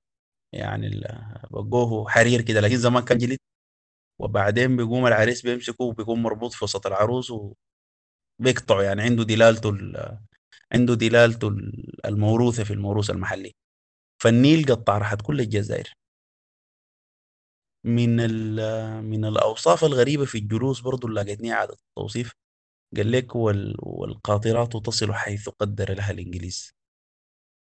يعني الزول ده يعني شال الدولة الوطنية فيما بعد الإنجليز كلها وداكوشه بال بال بالوصف ده يعني إنه كل القطارات بتصل للحتة اللي وصلوها الإنجليز بس يعني ما ما ما, ما اجتهدوا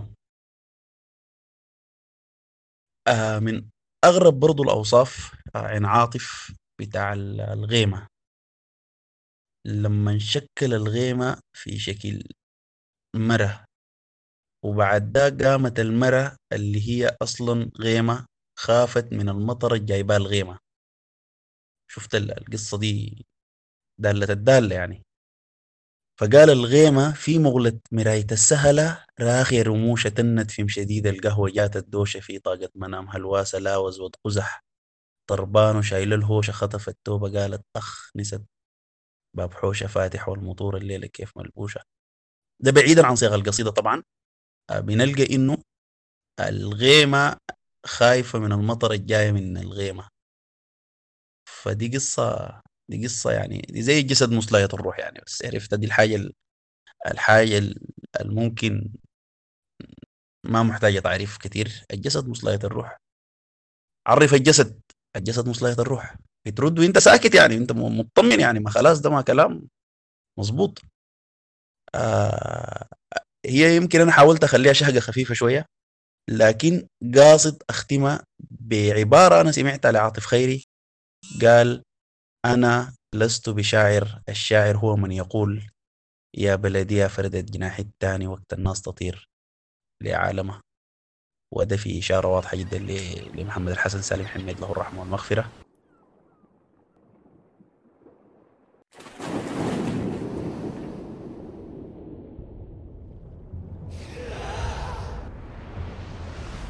رجع فاضي الكلام مليان. معاك تدرجت غيمة وشهق جوايا صوت جدول مركت على المطر حفيان لقيتك والرزاز مدخل وناديتك أقيفي معاي نشيل كتف الغنى الميل. ونتخيل حلم درودك بيتحقق وقبلك خيل دماي واقفة على شريانة الشهق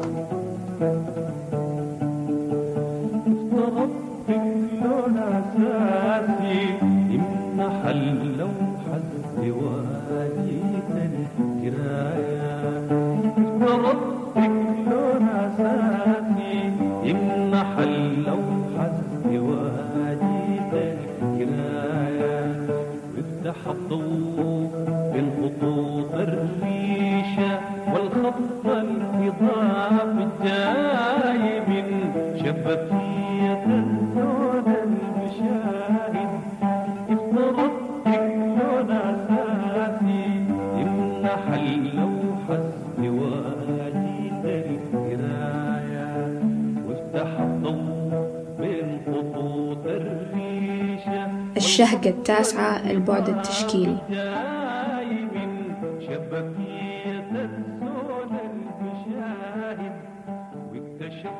البعد التشكيلي. والحاجات دي آه، حبيبنا صدام شال ريشته وهبش فيها يمين وشمال. آه ودي من الحاجات اللي اللي اللي فعلا ما بتعرف آه، ما بتقدر لعاطف خيري قدره لأنه آه وهم يعني يتعدوا على أصابع اليد الواحدة. الناس اللي عندهم القدرة العجيبة من من التغول واجتراح العوالم الشعرية آه، بهذه الدرجة من من الكثافة ومن الطبقات اللي آه، فوق بعضها البعض. آه، أنا 16 من, من آخر مقطع قالوا صدام ومن ومن ومن افترضتك اللي قالها مصطفى وهي اقترحتك زي ما قالها زي ما قالها عاطف الجملة يعني جميلة جدا جدا. حبيب محمد عبد الرحمن قال قال إنه الجزء اللي بيتغنى ده بصف قصائد خيري أو عاطف خيري كلها اللي هي ازدواجية القراية وهي ازدواجية ليس الغرض منها تعتيم يا جماعة وليس الغرض منها الإلغاز. دي مرتبة ما بيصلها إلا ربع عظماء الفنانين في العالم لأنه لأنه الفن في ارتكازه قائم على اثنين. واحد إنه يكون الفنان هو قائد هو اللي بيمشي قدامه بيسوق الناس وراه. واحد منهم بيكون عنده طولة بال وتواضع وجنون انه هو بيكون بيقدمهم هو اللي هو اللي هو اللي آخر واحد وراهم. يعني إحنا اخذنا مثلا الثنائية دي بنلقاها مثلا ما بين ما بين تولستوي وديستويفسكي ديستويفسكي ده هو اللي كان بيكون قاعد ورا. آه تولستوي هو اللي بيكون بيتقدمهم لقدام. ال ال ال لما نيجي نتكلم عن طبعا باين إنه واحدة من من من أهم معارفه اللي, اللي كون عليها شعره اللي هو الفن التشكيلي. وباين جدا إنه الزول ده فعلا بيعرف بيعرف أنا قصدي النو هاو بتاع التشكيل. عشان كده لما قال اقترحتك لون أساسي بيمنح اللوحة ازدواجيه القراية وكمل فيها يا جماعة. هو قاعد قاعد يقول شنو؟ بيقول عاملوا القصائد دي كويس أو عامل الوطن ده ذاته أصلا آه، عامل كأنها لوحة. آه، أنت أنت ما بتندهش باللوحة لأنك أنت بتعرفها مباشرة. أنت لازم تتأمل اللوحة كثير. بعد ما تتأمل اللوحة بتلقى المسرب الأساسي أو الليد ده. اللي هو اللون الأساسي ده. لما تلقاه بتمشي في اللوحة بعد كده المعاني قاعد تتفجر لك وبتبين لك إنه اللوحة ده أصلا موضوعها ماشي على وين. وبعد ده بتعرف إنه إنه أصلا الفنان التشكيلي كان عمل لك الأثر بتاع اللون الأساسي ده عشان يوصلك للمعنى بتاع بتاعت اللوحة بتاعته. فالفهم ده آه هو اللي زي زي ما قال حبيب محمد عبد الرحمن هو اللي أدى موضوع الازدواجية بتاعت القراية في في قصائد عاطف خيري لكن هي أعيد وأكرر هي ما ازدواجية بتاعت قراية بغرض التعتيم أو بغرض انه الغموض بالعكس. الغرض منه إنه الشهيق ده إنه بيدي النفس أطول وأطول في في قراءة النص والنص إنك أنت ما بتقدر تختزله في معنى واحد ولا معنيين ولا في قراية واحدة ولا في ولا في قرايتين ولا ولا أكثر من كده. عشان كده نصوص عاطف خير تظل هي خالدة لأنها مع انها هي تناولت مواضيع زي ما قلنا في الأول إن هي مواضيع آه، مواضيع صعبة شديد. والذهنية التشكيلية دي موجودة في في قصائد عاطف خير أنا ما أنا لو بديت الأمثلة أنا أنا حكورك وبالا علي عديد كده يعني. يعني لما في في في فجأة في في سيناريو اليابسة لما حجر قلع ظفري آه، بعد كده يقول لك يا دم دماوك الرسم واللون. في جالوس لما بيقول يا أخي الله الله كويس. ناشف شرق مبلول غرب والمطر زي على العيد. يا جماعة ده, ده, ده شغل بتاع تشكيل. ما يعني ده شغل بتاع واحد أصلا بيعرف النو هاو بتاع التشكيل. وفي الحتة دي زي ما قلت لكم ال ال ال عنده القصائد إحنا ممكن نسميها الاقانيم الأربعة آه، أو الخمسة اللي هي أشهر قصائد عاطف خيري وكلها متوالدة من من من من عالم واحد آه، بنقصد بها آه، باقتراح وسيناريو اليابسة جالوس حوار ومعاهم منافسة الهمبات اللي حنجيها لقدام. ديل كلهم يا جماعة عندهم عندهم أساس معماري واحد بنى فيها عاطف خيري شغله. وبعد كده لما ميز كل قصيدة عن الثانية أنا قصدي ميز في موضوع موضوعية القصيدة ميز كل قصيدة عن الثانية على أساس إنه يقول لك شوف مش مش عشان يقول لك أنا أنا أنا غميت عليك. يعني مثلا لو أخذنا اقتراح آه، أو أو شهيق يعني مصطفى قال المارق منك آه، في النهاية يعني آخر المقطع مارق منك أو مني آه، لما كتبها عاطف خيري قام قال هو قال أو مت شهيق مش شهيد بالدال شهيق بالقاف إنه يقصد إنه الحالة دي حتظل دائبه لحد ما هو يموت اللي هي حالة التوأمة والتطابق ما بين الوطن الحبيبة وما بين الذات بتاعت الشاعر. يعني آه لو إحنا أخذنا أنا والله ما عايز أطول في الحتة دي آه بس خلينا نتلمس بس في في قصيدتين المعنى العام أو الجو العام لقصيده قصيدة اقتراح وقصيدة آه، سيناريو يابسة. بداية باقتراح اقتراح دي ملحمة ذاتية. بتبدأ من الداخل أو عفوا بتبدأ من الخارج لحد الداخل الكوني اللي هو أرحب. فيها تداخل ما بين الوطن وما بين العاشق. زي ما إحنا أخذنا البداية بتاعت نكسس اللي هو نكر صوتك صداك. هو في القصيدة دي قاعد يعمل شنو يا جماعة؟ هو في القصيدة قاعد يحقق المستحيل. المستحيل اللي هو التطابق الحقيقي. والتوأمه ما بين ذات الشاعر وما بين الوطن المحبوبة. مع إنه هو هو متغرب وعينه طالعة وعارف إن الوضع ازفت ما يكون لكن ده ده ده ده أقصى أو خلينا نقول أول مراتب الحلم لديه إنه هو إنه يحلم إنه هو يتطابق بها من عشقه وحبه لها لأنه ده الشيء اللي هو بيكتب له الاستمرارية أصلا في آه، في في في العشق المستحيل ده. فقام يعني رصف الشغل ده كله على ثنائية ما بين الحبيب الوطن وما بين ذات الشاعر لكنها قائمة على شنو؟ على قراية الحدس والنبوءة. وبيخلي الموضوع ما بيقيف في في في في مسرح واحد. كل مرة بيمشي بياخذ المسرح ده لمسرح ثاني أعمق آه، أعمق منه آه، لجوا فعشان كده بدأت الحكاية يا جماعة من من بداية. نكر صوتك. صداق دي كانت المشكلة بس في سطرين. بعد ده لما قال آه شهرت على الجفاف وعدك ومشى فيها وده سكر يا جماعة إنه كيف فتح البوابة بتاعت الماء على أساس إن هو ترجعه يعني لحياته لتشبثه بالحلم ده. وكانت النتيجة برق صوتك صداك. برق يعني شنو يا جماعة؟ اللي هو التطابق ما بين الصوت والصدى التطابق ما بين الذات والصورة التطابق ما بين العاشق والمعشوق. بعد كده الغنى الغنى يا دوب مشى. عشان كده بقى رشحت حلقه الاذاعه الشجر والمنتصر من عودة المد والمطر وهو وبعد كده بقى ماشي.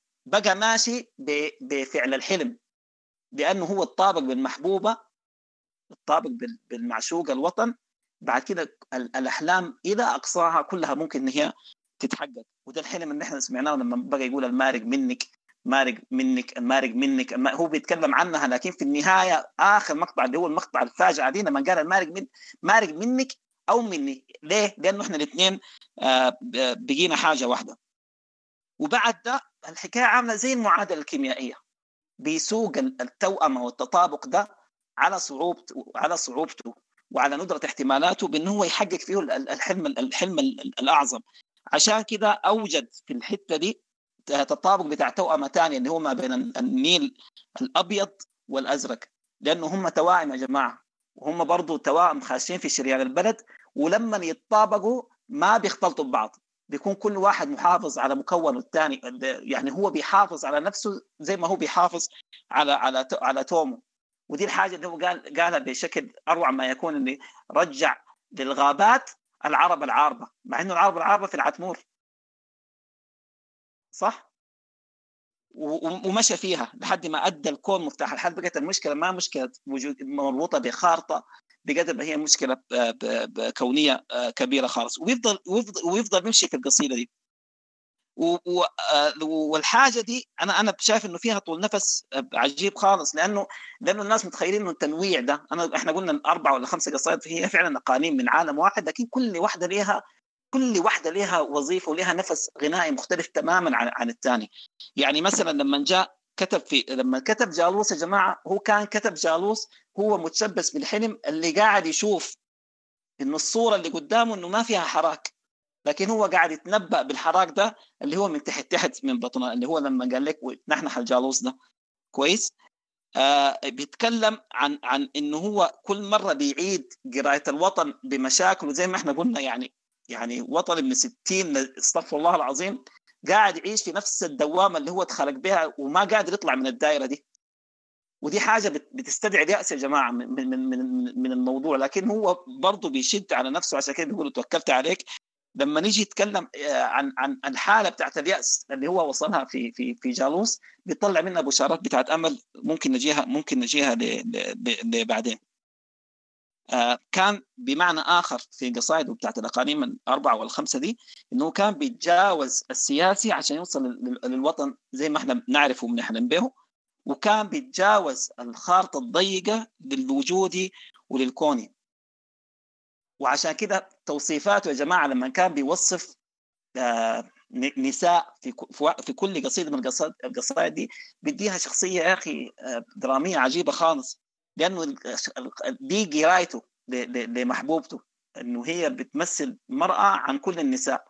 فكل مرة بيكون عندها ذهنية بيكون عندها عاطفة بيكون عندها شخصية درامية غير غير اللي بيكتبها في قصيدة في القصيدة اللي قبالها زي ما هو في في في في اقتراح خلى فيه التوأم والتطابق ما بين الذات والمحبوبة لدرجة إنه تحقق فيه ودى الكون مفتاح الحل آه الحاجة دي في في جالوس بداها بمعتوقة معتقة ومنعتقة.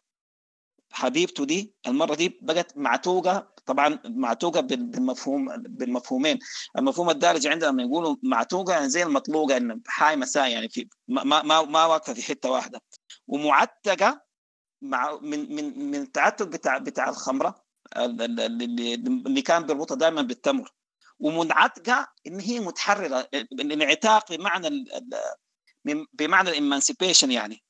ولو أنتم لاحظتوا معتوقه معتقه منعتقه عمل عمل فيها توليفة ما بين معتوقه في المكان معتقه في الزمان ومنعتقه في التحرر من المكان والزمان مع بعض.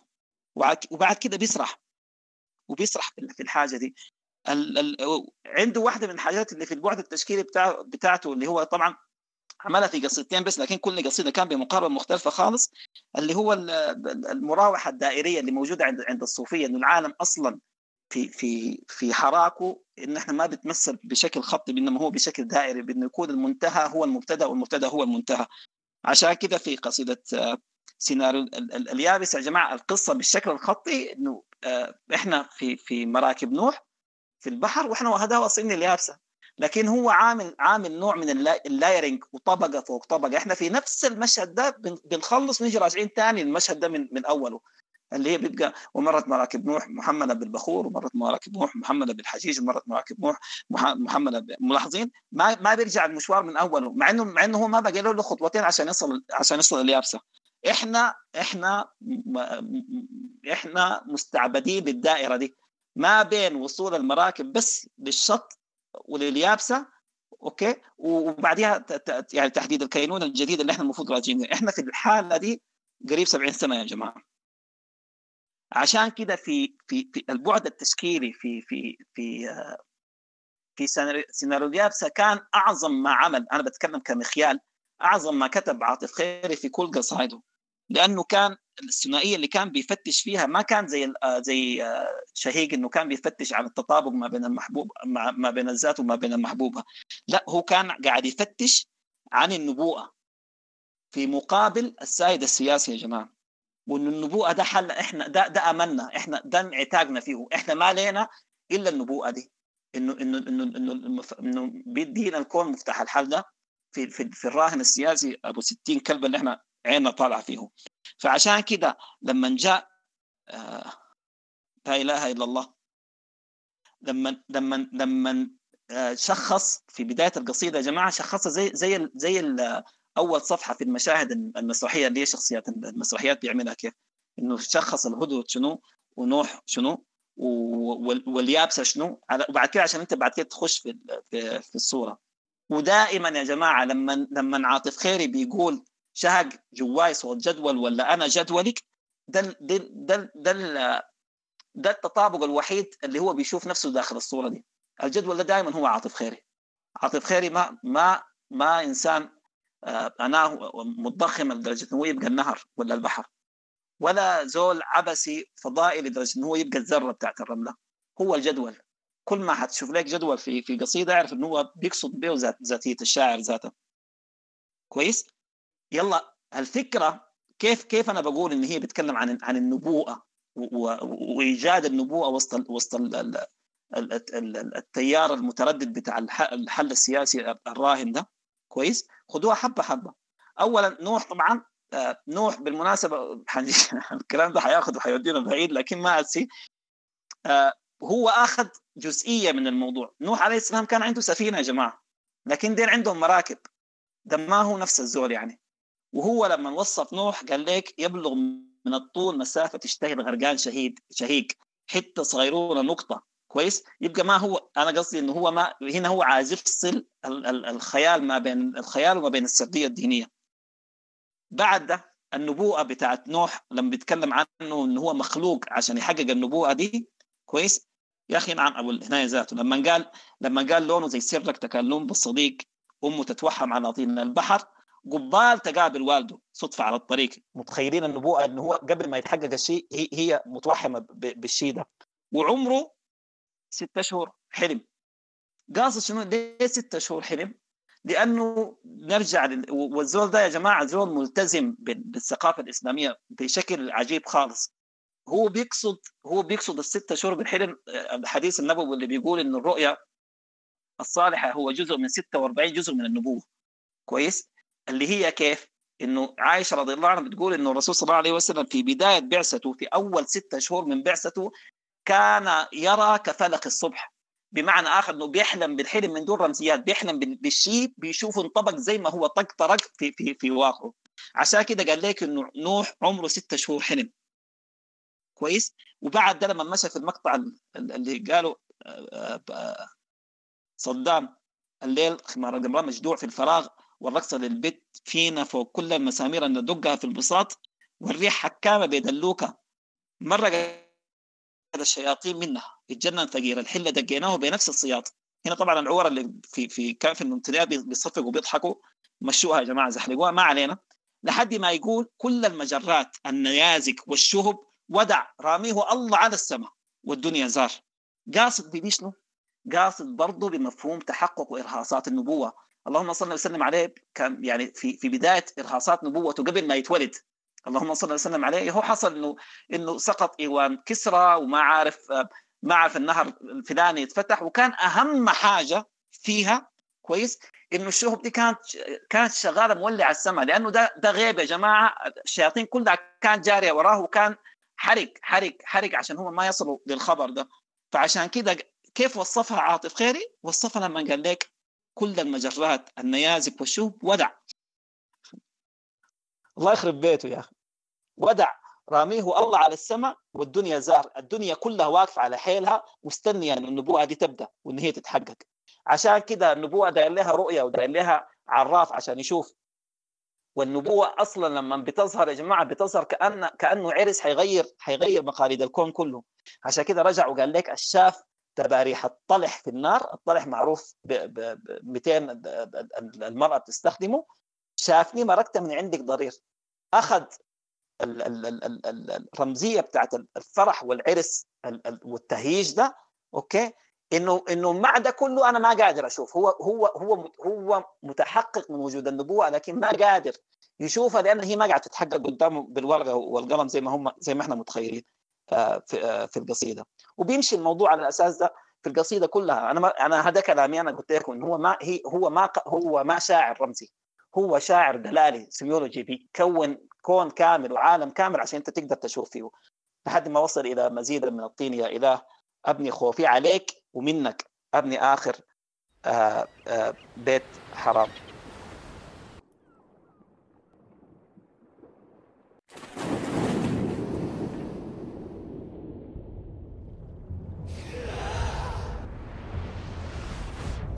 اوجاع السلاطين الكتار الرجرية. انت على مقاس أوهام منو؟ دجاب الغموض والعصلجة. النيل فيك عامل غنية تلحين العتامير. النيل شاعر الفقر اليتامى وانت زي الرشوة لكن ما دنانير النيل وانت ماشية معايا ردبة كبيرة. دجاب الدبابير.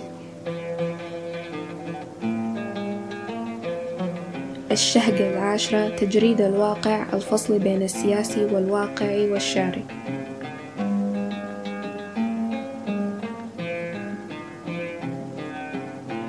آه، الشهقة العاشرة نتكلم عن عاطف السياسي اللي هو الشعر السياسي وكيف عاطف قاعد تفصل السياسي والواقعي والشعري. الثلاث حاجات دي. آه، عاطف جا في فترة بتاعت بداياته من الشعر آه، في فترة الثمانينات آه، نهاية الثمانينات بداية التسعينات. ديوان طلع في خمسة وتسعين لكن القصائد كتبتها على فترة طويلة قبل طباعة الديوان. يتأثر بال... بال... بالأجواء السياسية أو شعره كله فيه سياسي لكن ما يتناول في شعره السياسي زي ما قاعد يتناولوا باقي الشعراء في الفترة دي.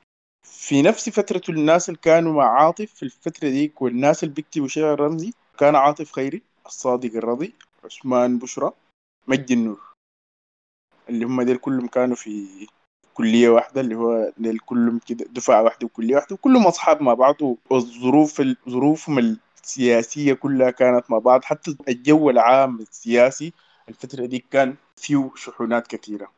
عاطف لما نيجي يتكلم في السياسي في شعره بيختلف من مثلا الصادق الرضي زي ما في بنشوف الصادق الرضي في غناء العزلة ضد العزلة يتكلم كلام مباشر أيوه هو شعر رمزي لكن كلام السياسي فيه بيكون مباشر جدا وبنفس ال- الطبيعي اللي قاعدين نشوفه في الشعر السياسي. أه الحاجة الثانية شهيق نص مشحون مشحون بأي شيء مشحون بالعاطفة مشحون بالسياسي بالموسيقى بالميثولوجيا بالحاجات اللي قلناها واللي حنقولها لقدام. أه في في اللي هي اختراعه شهيق. هو هي شهيق دي دي قصيدتين. اختراعه شهيق اللي هو حتى مصطفى لما جه غناها غناها أغنية واحدة اللي هم قصيدتين. اللي هي دي اللي اتكتبت بنفس واحد. حتى إذا جيت تقرأها مع بعض ما حتحس بالفرق وإذا بتسمعها مصطفى ما ما حتحس بفرق إنه دي الأغنيتين مع بعض. إذا اتكلم عن شهيق من غير اقتراح آه، بدايتها اللي هي ما تنضاري ورا الدعوات وما تتلبسي فرح الفات يسكن فيك النغم الزايف. يسرق حاسة شوفنا الواقفة عليه رجلينا. نحن الهاوية والمطامن من الأرض. هنا لما نتكلم عن الوقت العام والسياسي إنه ما نتضارى ورا ولا حياتنا القديمة. أساس إنه اللي هو الح- الحاجة دي كانت بعد فترة انتفاضة 85 اللي هو نحن ماشيين في في دوائر زي ما قال السنين اللي فاتت دي كلها من من تاريخنا إنه إنه هو كان بعيد في روحه بشكل. آه دائما نحن عندنا مشكلة في السودان إن إحنا محبوسين في الماضي حقنا. جامعة الخرطوم زمان أيام زمان. في فيديو قبل يومين حايم في تويتر الخرطوم زمان الرقيق زمان ما عرفنا زمان زمان زمان الدنيا بخير جوز الحمام ثلاثة زمان نحن محبوسين تماما في في ماضينا. دائما بنشوف إنه الماضي كان حاجة كويسة. دائما أول ما نستك في في الحاضر بنرجع الماضي إنه زمان كان نحن أفضل. آه ده اللي بيخلي إنه إنه ما تتضاروا ولا الدعوات ما تتلبسي فرح الفات. الفات خلاص الناس ترميه. تشوف الجديد شنو. في بناء شهيق دي ماشي ما تتلبسي فرح الفات يسكن فيك النغم الزايف. اللي هو ان إحنا القديم اللي ساكن فينا ده حنسكنه زيادة. يسرق حاسة شوفنا الواقفة عليه رجلين جوانا مشى قدام شوية في القصيدة في اللي هو لما جه في في في حوار النيلين. تكلم عن برضه هو يا عشاب النيل الأبيض ما تضاري ورا الدعوات. أقرأ تاريخي وأخاف أقرأ تاريخي جيت بيجيب تساؤلات شبه وجودية. أو ممكن أقول لها تساؤلات تحاول تكسر لك الواقع ال- الغايب. يعني مثلا لما يجي يقول مين اللي قال إنه المسافة اللي بيننا وبين الشمس طاقة؟ ده تساؤل ليه؟ عشان يجيب بعديه طوالي إنه مين اللي قال إنه المسافة اللي بيننا وبين الشمس طاقة؟ أو مياه النيل بتدخل أو مياه النيل بتدخل في علو السنبل المزقية بعرق الجعانين والمساهرين بالبطاقة. دي, دي تسا- تساؤلات اللي هو داير يكسر بقى ال- الواقع اللي إحنا بنسايره. أو هي دعوة لأنه إنه نفكر في الواقع ده بشكل مختلف إنه نطلع منه بحاجات مختلفة عشان نقدر قدام. لأنه في ذات القصيدة لقدام اللي هو بيقول آه لما نجي يقول اقرا جواك والزمن النظيف جواي من جوا غضب سلم مفاتيح السؤال جيل الشمس موكب حريق واقف على باب الدخول بينات وبينات الوصول. لحظة شهيق. يعني بالضبط إنه إحنا إحنا بيننا وبين إنه نبقى حاجة تانية مختلفة وبلد كويسة وإنه نعاين في التساؤلات دي بتاعت الواقع الغايم دي وفكر فيها بشكل مختلف. عشان إذا عملنا كده لحظة شهيق إحنا ممكن تغير لنا الوضع بتاعنا. عنده عنده عنده الشعر السياسي المباشر برضه يتكلم فيه في في واحدة من قصائده مؤخرا شديد كده اللي هي بعد يناير 2010 والفترة دي عنده قصيدة مباشرة. أي هي في فترة أخذت زخمة السياسي والهناية اللي هي بتاعت الخرطوم اللعبة طالت وما في حكم صفر ينهيها دي قصيدة مباشرة تماما ومعروف سياسية وهتافية لكن لما نيجي تاني نتكلم في في الواقع لما نيجي يقول في يا بت يا نيل لو نامت قمحة على الأبيض وتشرد زيه وزاد الأبيض في غيه ومدت رجلي اليسرى ما كان الكسر جاتك من برا صفرة منكسرة بعديها بتقول زوجناك الشهداء ولاد؟ الكد الماتوا عشان الشعب. زوجناك ما عندك ضرة. زوجناك ما جاتك ضرة وما شاف معونك في الحلة أساسك. ويلقى فتات. دي, صور بتاعت إنه ال الواقع ممكن يتغير لوين لوين. اللي هو لما يقدم حلول بيقدمها من داخل الشعر. يعني أنت ممكن تقرأ القصيدة كقصيدة مجردة من الكلام ده وتستمتع بها. لكن هو داخلها. القصيدة في بنائها بيكون في مجموعة بتاعت أفكار مجموعة بتاعت حلول للواقع الفعلي حقنا. بيكون فيها انتقادات للواقع السياسي. وبيكون فيها البناء بتاع القصيدة ذاته سلس مع كل الحاجات الموجودة فيها. ده في في شعر عاطف خيري بالنسبة للسياسي والواقعي. هو بيفصل تمام بين الحاجتين دي تاني في أيوه في في قصايده الأخيرة واحدة من قصايده الأخيرة.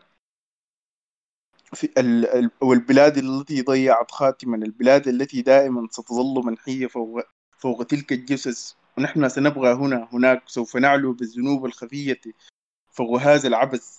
آه، هنا عاطف خيري تكلم عن دورة بتاعت السياسي في السودان. اللي هي دي دي حاجة ملازمة لكل الأشعار بتاعته. دايما بيفكر في الحلقة دي بيحاول يفكك فيها إنه دايما قاعدين نرجع لنقطة البداية. دي دي طوالي بيرجعك لما في شهيق اللي هو في اختراع. لما قال وانتباهك أنت للشارع اللي بيرجع تاني لنقطة بدايته. وانحيازك أنت للشارع اللي بيرشح من مسامره التوقع دايما إنه في شارع قاعد يرجعنا لورا. دايما إحنا بنرجع لورا.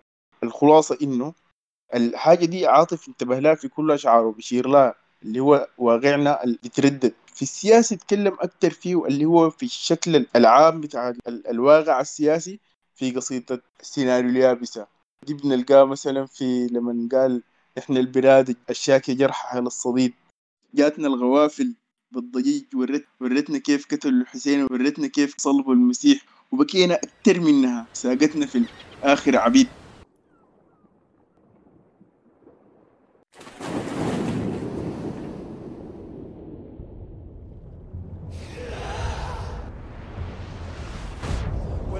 الجلسة الركيكة. القيام الفصيح ومتسع من السهو كالمرايا. أسمع لغو ضفة ممعنة في الطم. نصيبي في شجرة الصمغ والردف ذاكرة الجسد. لا تجلس على النمل. النمل واقف. كيف تجلس عليه؟ أنت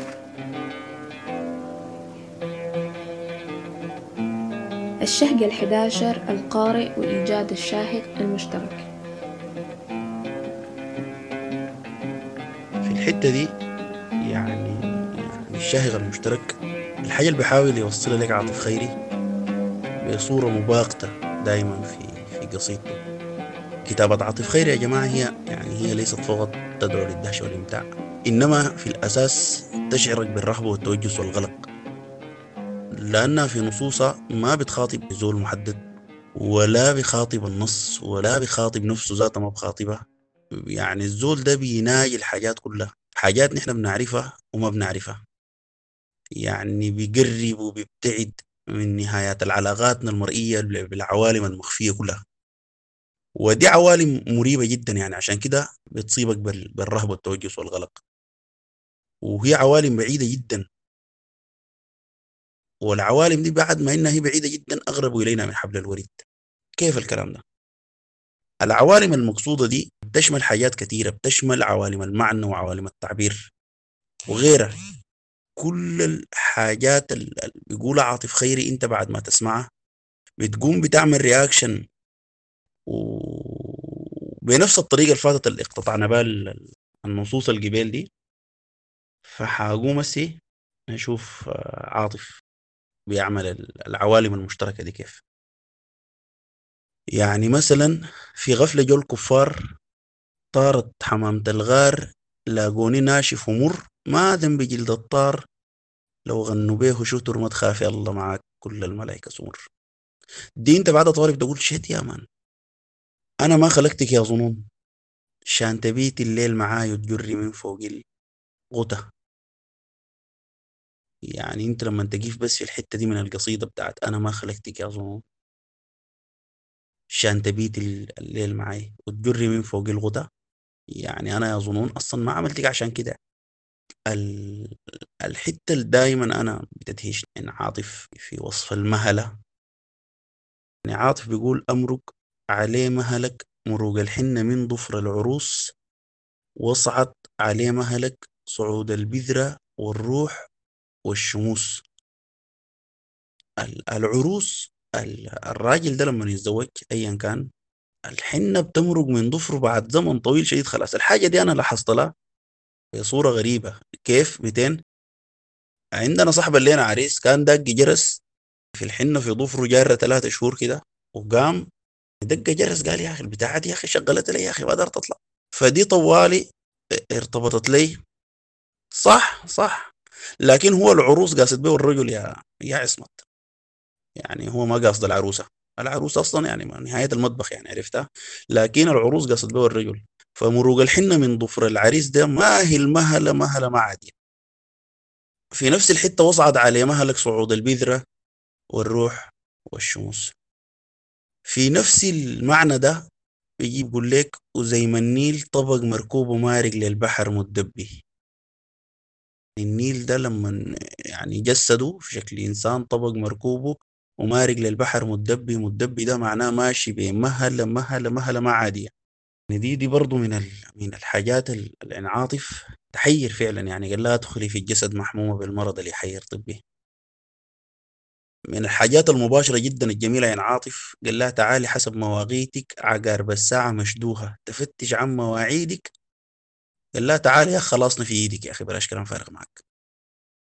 تعالي حسب مواقيتك عقارب الساعة مشدوها تفتش عن مواعيدك. تعالي خلاص نفيدك ما ما تشغلي علينا يا أخي تعالي في شنو؟ القصة دي ما واضحة يعني. أو في الختام بتاع قال لا يا صاحب الحاصل علي نايم عن فقري البليد. سميت منافيك الوطن؟ سبحان الله صارت مناحاتك نشيد. أو أحبك ينقطع نفسي وأضمك نفترق.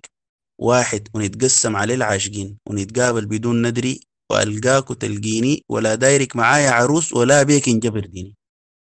فشنو؟ المباشرة اللي بتخليك تندهش في نص الكلام بتاع الصياغ بتاعه يعني صوتك وقت قطع البحر قبال مراكب العمدة ظهر النيل غيرك. دي حاجة ما طبيعية. ده ذاته يعني قطعة الصوت ده للبحر دي آه، قبال مراكب العمدة. ظهر النيل وفرهد غيابك أغنيات ظلت أراضي اللغي بور بلقاك يا كل الطيور مسجونة والحرية سور. دي برضو من من النماذج العجيبة جدا يعني عاطف خيري. نكاية بالنهر تجلس الجزيرة. شوف الجلوس ده يعني جلوس حقار كيف؟ نكاية حقارة كده. بالنهر بتجلس الجزيرة. وفي الهدهد برضو في الحتة بتاعت أدخل ظلام الناس نورك يجيني خيوط قبال أقع في الضوء جواك سندني خفوت. أنا مبالغة عديد يعني حاجة ما طبيعية. آه آخر حاجة كنت يعني حابب أتكلم عنها وتكلمنا عنها كثير هي نكر صوتك صداك نكر صوتك صداك غالطني الزمن فيك. بعد هنا يقول عرف صوتك صداك غنيتي. الفكرة بتاعت النكران أنا بالنسبة لي كانت غمتها في حيطة تتمغى وتفلح في قفا الزول البناها لحد ما سمعت نكر صوتك صداك نكر صوتك صداق غلطني الزمن فيك دن يعني عاطف خيري بيقدم لنا النكران بشحمه ولحمه في صورة. ودي الحاجة تحت البعد السينمائي الكبير اللي تكلمنا عنه في الدرامية بتاعت بتاعت عاطف خير لأنه دي دراميه زيادة عن اللزوم السي بتاعت نكر صوتك صداك غلطني الزمن فيك. لأنه الزمن ما بين الصوت والصدى ده يكاد يكون يعني زمن ضئيل شديد. زمن ما فيش. عكس الفاصل الزمن الطويل بتاع الغلاط. لما لينا المتضادين ديل مع بعض في زمن ال- ال- ال- الصوت والصدى وبعد ذاك الغلاط. لأنه لأنه أنت مثلا بتقول لك مثلا أجي أقول لك والله العظيم فلان ده غلط خلاص. غلط ده معناه زول بيمسك زمن زمن زمن كتير جدا. ونكر صوتك صداك ما بين الصوت والصدى يعني لا شيء. طوالي الزمن بيخلص. من ضمن الحاجات برضو المدهشة بتاعت في في في القصيدة دي ذاتها اللي هي المسادير والطنابير واللي لسه في رحم القصيد والداب حس وفي سوق عكاظ وبين مزادات الحروف. غيبت رسمك واحتكرتك للظروف. والريح سكن خيمة حري- حريم الأربعة لا حول. شوف شوف شوف ال ال ال الريح سكن خيمة خيمة حريم الأربعة. من من آخر ال- الحاجات ال- اللي هي اللي هي قدمها لنا في شكل رسمة بتاعت افترضتك طرحتك لون أساسي دي هاني قبيل يتكلم عنها. أفتكر أنا تاني ما ما أظن أقدر أقدم دهشة أكتر من كده يعني حقيقي يعني.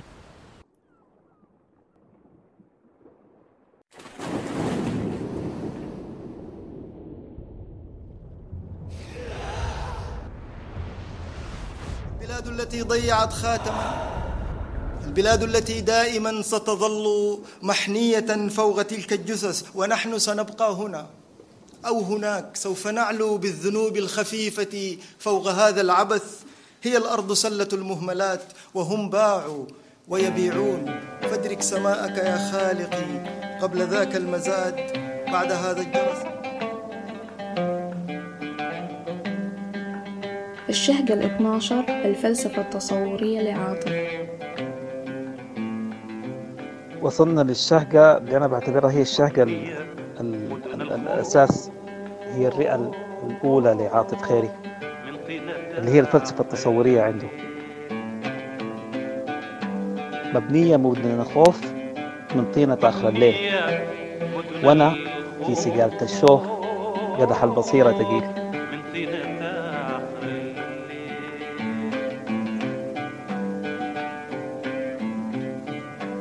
وأنا في سقال الشوق قدح البصيرة عاطف خيري في قصيدة جالوس آه، يعني راوح في, في الشعر في في مرحلة يا جماعة إحنا غالبا الشعر لما يكتب في لما يكتب في في, في الثورات إما في قصيدة بتكون ما لها زمان ولا لها مكان محدد موضوع اللي هي الاستنهاض يعني أو قصيدة بتاعت أقواس نصر بعد نجاح ال- الثورة نفسها. لكن عاطف خيري في جالوس يعني هم أنا أنا حاليا بس بتذكر يمكن خمسة أو أو ستة شعراء في العالم كلهم كتبوا قصيدة بما يشبه قصيدة عاطف خيري في جالوس. لأنه لأنه عاطف خيري في في في, في القصيدة دي هو هو كان آه بيتنبأ ب ب بال- باللي هيحصل واللي شفناه في في في آه، في, في 2018 وفي نفس الوقت شايف وما شايف وفي نفس الوقت ال ال ال ال الشارع حاسس وما حاسس. وفي نفس الوقت كان في نوع من ال من ال من الحياد اللي هو بيشوفه إنه هو عبارة عن هزيمة واستسلام لكن هو كان بيقول كلام الكلام غير كده. عشان كده قال قال مبنية مدن الخوف لما لما الحكاية خلاص تحكر فيهم الخوف قال لك من طينة آخر الليل يعني يعني البيوت دي كلها حتتهدى بمجرد ما الصباح بيطلع. وأنا في سقالة الشوف هو الشاعر اللي, اللي بقى عنده بصيرة ونبوءة هو شايف الحاجة دي. لكن عشان الوعي آه، كاسر ظهره قال لك قدح البصيرة قدح البصيرة ثقيل والقصيدة دي بالمناسبة أنا أنا أتذكر إنه لو بعد بعد سبتمبر 2013 آه، آه، آه، الناس كانت حاسة فعلا لمدة يمكن ثلاث سنين أو أربع سنين الناس كانت شايفة في الشارع يعني انكسار ظهر الشارع ده ذاته. ف آه، لحد أنا أنا أتذكر كان القصيدة والله شفتها بعيني يعني أو يعني حسيت بإحساس إنه إنه كان عاطف خيري جاسي نبض الشارع صح؟ في في 2016 أظن في نوفمبر 2016 لو أنتم متذكرين كان في ثلاث أيام كده بتاع عصيان مدني. ثاني ما في الناس ما قاعدة تطلع الشارع نهائي. آه اللي بيطلع يتفتح فيه آه نار. فالناس كلها قاعدة في بيوتها وعملت العصيان المدني ده الحالة الشاحبة اللي كان عليها البلد الحالة المتعادلة اللي في الوقت ذاك ده بالضبط اللي كتبه عاطف خيري من التسعينيات يا جماعة. عاطف خيري كان بيبشر لكن ما كان بيبشر بشارة بشارة العورة يا جماعة. كان بيبشر هو عالم وهو عارف وهو حاسس. عشان كده كان بيبشر زي اللي بيحرك الجمر من من تحت الرماد. هو جمر للعنقاء للانبعاث ذاته. وهو كان بيبشر بالنذير انه إنه خلاص لحد كده وكفاية. ودي نفس البشارة يا جماعة أو عفوا النذير اللي كان موجود في في السرد العربي عند زرقاء اليمامة وعند المنذر بن ماء السماء وغيرهم. وبعد ده زي ما قلت لك إحنا بنشوف النبوءات دي اتحققت. عشان كده معتوقة ومعتقة ومنعتقة دي اللي وصل فيها لما بيقول لها يا بت بيوت الهجعة كيف؟ وغبار شوارعك ماشي وين؟ زقاق يفتش في زقاق كتمة وضنمه وانعتاق. أنا فيك لامونين مساجين. أنا قلت لكم القصيدة دي بس كأنها مفصلة على على نوفمبر 2016 وبعد ده يجي المقطع اللي قاله آه، حبيبنا صدام صوتك وقت. قطع البحر قبال مراكب العمدة ظهر النيل عرق. بيتكلم عن نفسها اللي هي هو محبوبته دي لما بيجي يستنهضها بالمناسبة بعد كده بيخاطبها بالمذكر. هو ما بيخاطبها هي ذاتها هو بيخاطب الشارع. عشان كده عشان كده آه كان في البداية صوت صوت محبوبته. الصوت ده اللي هي البشارة يا جماعة إنه بتحقيق المستحيل وإنه بيسبق الراهن التاريخي. عشان كده عشان كده صوتها آه قطع البحر قبال مراكب العمدة ذاتها. وكان في التهيؤ اللي إحنا بنتكلم عنه ده في في قصائده التميؤ ده. عشان كده ظهر النيل عرق. وبعد ده الصورة بقت جماليه يا أخي جمال ما بعده جمال لما يقول لك والشمس فوق حبل الغيوم شرت جلاليب النعاس ناشف غرب مبلول شرق والمطره زي شفع العيد تدخل غرف كل البيوت. حكمة الجوع الشرح للأرض كيف تقرأ الملك. هو بيتكلم زي ما قلت لكم كان بيرهص بثورة بتكون قايمه على أساس على أساس الجوع ذاته. الجوع اللي هو ما عبارة عن ما هو ما هو الجوع اللي اللي, اللي كان في الثورة الروسية ولا ولا الفرنسية لا هو بيتكلم عن عن الجوع اللي بيؤدي للثوره بتاعت وعي. عشان كده قال لك الشرح للارض كيف تقرأ الملك كيف تقرأ العمود ده ذاته اللي هو أكبر منها اللي هي اللي هي عايشة عشان عشان عشان تأكل منه. وقبال يقع فوقك سقف يتنحنح الجالوس. هنا بنرجع للثقافة الشمالية والشرقية يا جماعة. الجالوس آه الجالوس لما لما لما لما يعني بيسموه هناك لما يترشى به البيت يعني بيكون قاعد واقف على حاله مجمد البيت وكأنه وكأنه مدهون زيه زي البوماستيك مثلا. لكن في حالة إنه بيكون في خلينا نقول هزة خفيفة أو حاجة زي كده الناس دي بيعرفوا الح... بيعرفوا الشيء ده من الجالوس إن الجالوس طوالي بيقع بيقع من من من, من الحيطة وبيتشقق سريع يعني. فهو هو هنا في الحتة دي هذه البشارة بتاعته لما قال لك يتنحنح الجالوس إنه كل حاجة باينة إن هي هادئة وإنه ما في حاجة حتحصل لكن هذه البشارة هذه البشارة. عشان كده بعد ده بيغير الصوت من من من, من أو الحوار من من محبوبته ويبدا يتكلم مع الشارع ذاته. ما قال امرقي على مهلك قال أمرق على مهلك. مروق الحنة من ضفر العروس. واصعد على مهلك صعود البزره والروح والشموس. ما مشكلة هنا هنا هنا بيكون في قطيعة تامة ما بين الوقت والتحقق لأنه الكلام ما على الزمن الكلام على التحقق ذاته هو اللي بيوصل لنا الحتة دي وين. ولما نيجي نتكلم عن فلسفة عاطفة التصورية دي في في معناها الأشمل بنفصل لمفهوم أو رمزيه الشهيق عنده. آه، عشان كده هو عراف الشهقه يا جماعة. اللي بيحصل أو عفوا اللي حصل غالبا عند كل الشعراء لما كانوا بيتكلموا عن مسير أو عن تحقق آه انتقال من نقطة إلى نقطة آه إما بيكون عبور للبحر أو عبور للصحراء أو عبور للمرحلة إلى آخره. إنه لازم يكون في نقطة A ولازم يكون في medium أو وسيط بنعبره حتى نصل للحلم ده اللي هو موجود في نقطة في النقطه بقى. عاطف خيري آه كـ architecture أنا قصدي هو اللي هندس معمار الشهقة دي. كيف؟ بتلقى إنه إنه عنده الحالة ما في حالة انتقالية من ألف إلى باء أو حالة فيزيائية بتتحول من ألف إلى باء. هو نفس المكان اللي إحنا فيه. هي نفس الصحراء. هي نفس ذرات الرمل اللي إحنا موجودين فيها. ديل إحنا. كويس؟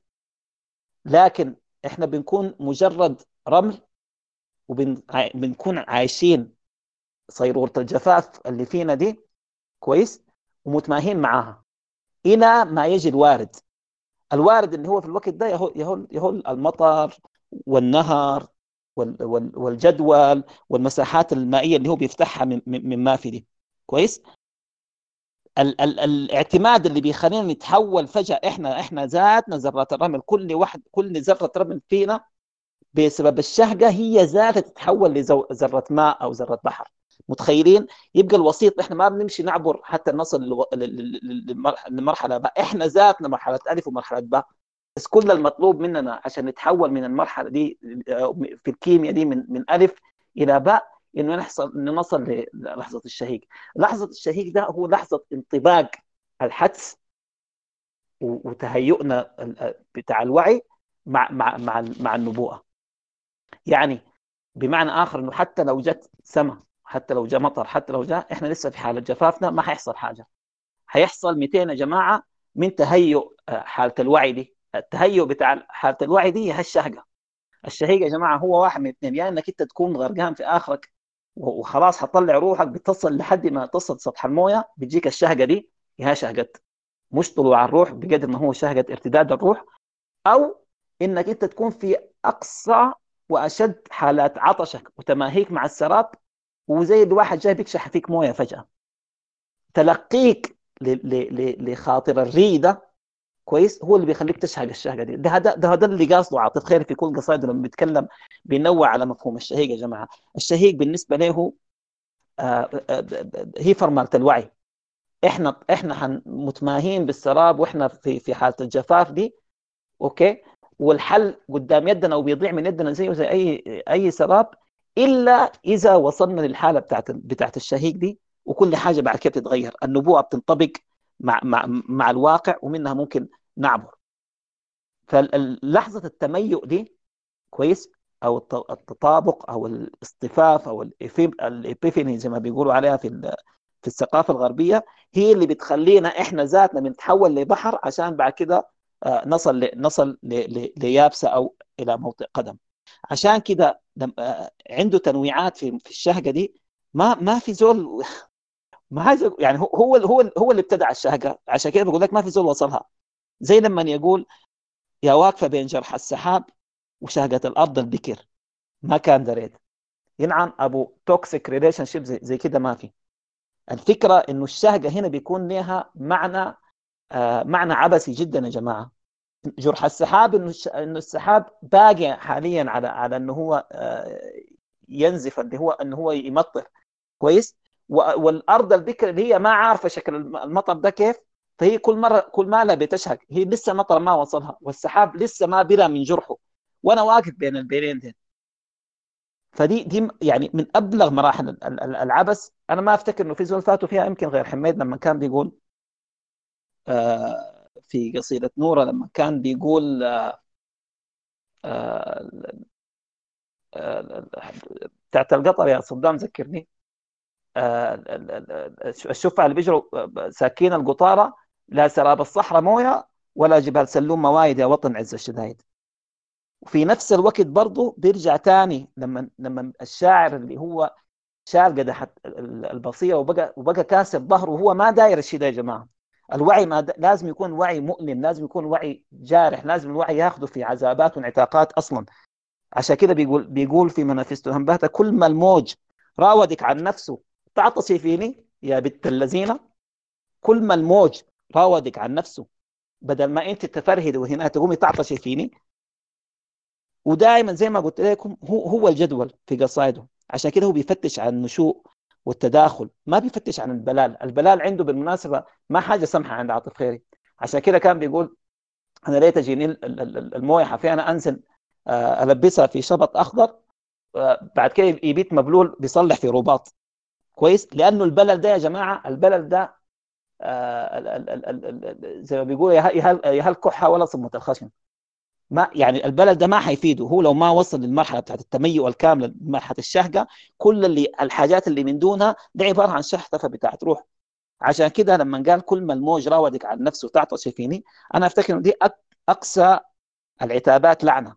وأشد اللعنات عتابا برضه وعشان كده عمل خارطة كاملة يا جماعة كينونة كاملة قائمه على على الشهقه كان احتمال تغيير قوانين شهقتك اللي قالها مصطفى حركتك آه، شهق جوايا صوت جدول.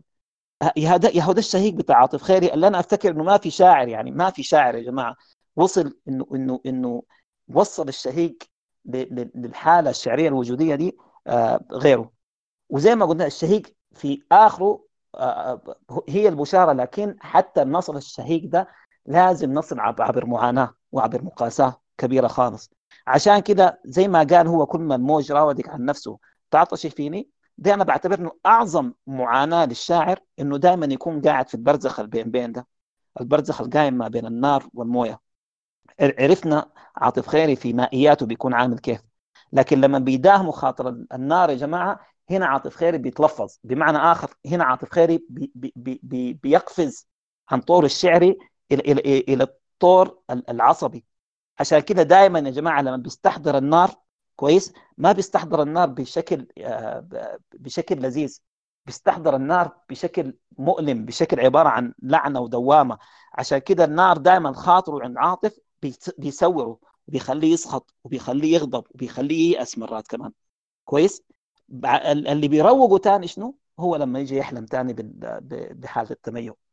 عشان كده قلت لكم هو هو هو حلم مجبر إنه يتم لآخره لأنه هو عارف إنه في لحظة موته أو يأسه حلمه ده ذاته حيموت. عشان كده هو ما داير يموت. عشان كده هو داير يكمل.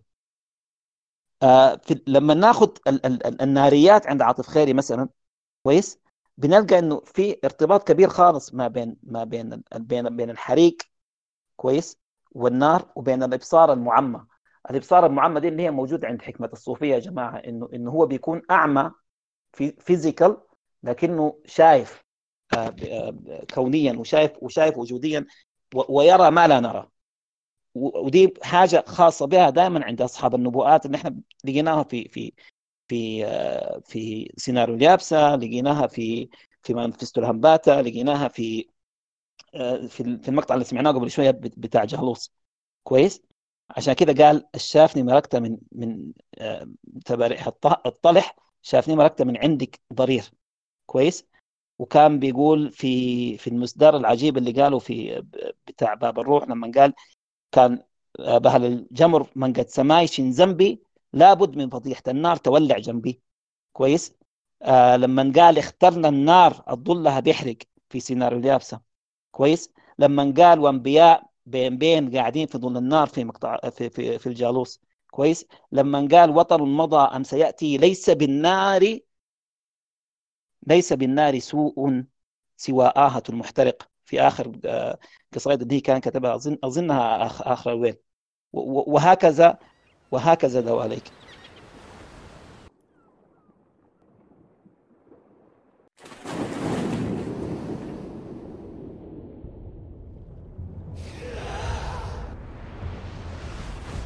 حملت معصيتي وقلت بلاد الله ضيقة إذا بيعت صكوك الآخرة.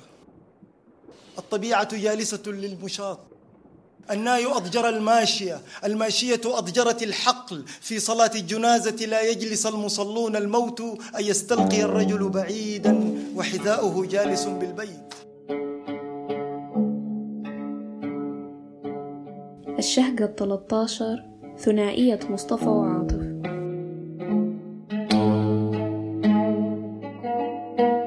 الشهقة اللي قبل الأخيرة. حنكون فيها أنا ومجيد وحنتكلم عن العلاقة الكبيرة اللي ما بين مصطفى سيد أحمد وما بين أو ما بين الشاعر عاطف خيري ومصطفى سيد أحمد. والطريقة اللي قدم بها مصطفى سيد أحمد ال- القصايد بتاعت عاطف خيري اللي لحنها و جزء كبير جدا من الموضوع ده تكلمنا عنه في في جلسة مصطفى سيد أحمد الأولى. لو متذكرين.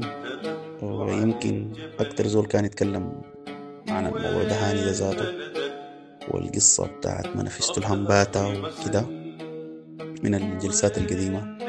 بدايات بدايات سيرف البراح أيام الحجر الصحي. كنا قاعدين في بيوتنا ربنا يغطي على كل الناس إن شاء الله. مصطفى سيد أحمد وعاطف خيري علاقة غريبة شديد يعني. مصطفى سيد أحمد مع كل الشعراء بتلقى آه، في في حميمية. أنا ما عايز أقول إنه بينه وبين عاطف ما كان في حميمية. لا يعني عاطف خيري الحياة مسخت له في السودان عموما بعد وفاة مصطفى سيد أحمد. و... وكانت واحدة من أكبر أسباب هجراته من ال... من السودان. آه...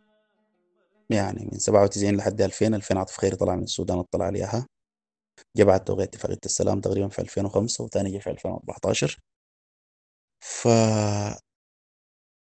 موسيقيا ال ال الأغاني بتاعت عاطف خيري أو القصائد بتاعت عاطف خيري آه، هي لحنيا فيها أغنيتين كانوا مشروع لحن يعني ما اكتملوا. تماما اللي هم سيناريو اليابسة والجالوس. آه يمكن ال- اللي اكتمل لحن اقتراح وشهيق يعني بصورة كاملة. في لها تسجيلين في تسجيل للجزء الأول سبع دقائق وفي تسجيل للقصتين مع بعض كاملة. آه الرؤية اللحنية لمصطفى فيها كانت واضحة تماما وقصيدة كانت ملانة موسيقى يمكن تغنت بالعود. وهي واحدة كان فيها عود وإيقاع تقريبا. آه الصعوبة في إنه هو مصطفى يعني ما عنده مشكلة في إنه ينتغي كلمات صعبة. يعني مصطفى غنى غنى العزلة ضد العزلة مثلا. غنى غنى حاجات غريبة شديد. الفكرة في إنه آه مصطفى ينتغي عاطف خيري من المجتمع. هو ما مجتمع مغلق أصلا. الموجود فيه عاطف خيري وموجود فيه الصادق الرضي وموجود فيه كل الشباب اللي اتقالوا قبل ديل. آه ده جيل أصغر من الجيل بتاع مصطفى. يعني عاطف خيري يكاد يكون أصغر من مصطفى 15 سنة. تمام؟ لكن كون إنه مصطفى سيد أحمد يقدر يتلمس ال- الم- ال- الموسيقى الداخلية لعن عاطف خيري وينقلها زي ما نقل لنا شهيق مثلا. لأنه شهيق دي أنا بفتكر إنها واحدة من الأغاني المظلومة شديد في تاريخ الأغنية السودانية والمظلومة شديد في تجربة مصطفى سيد أحمد لأنه ما لقت مش ما لقت حظها من الانتشار لا الانتشار ده ما حاجة.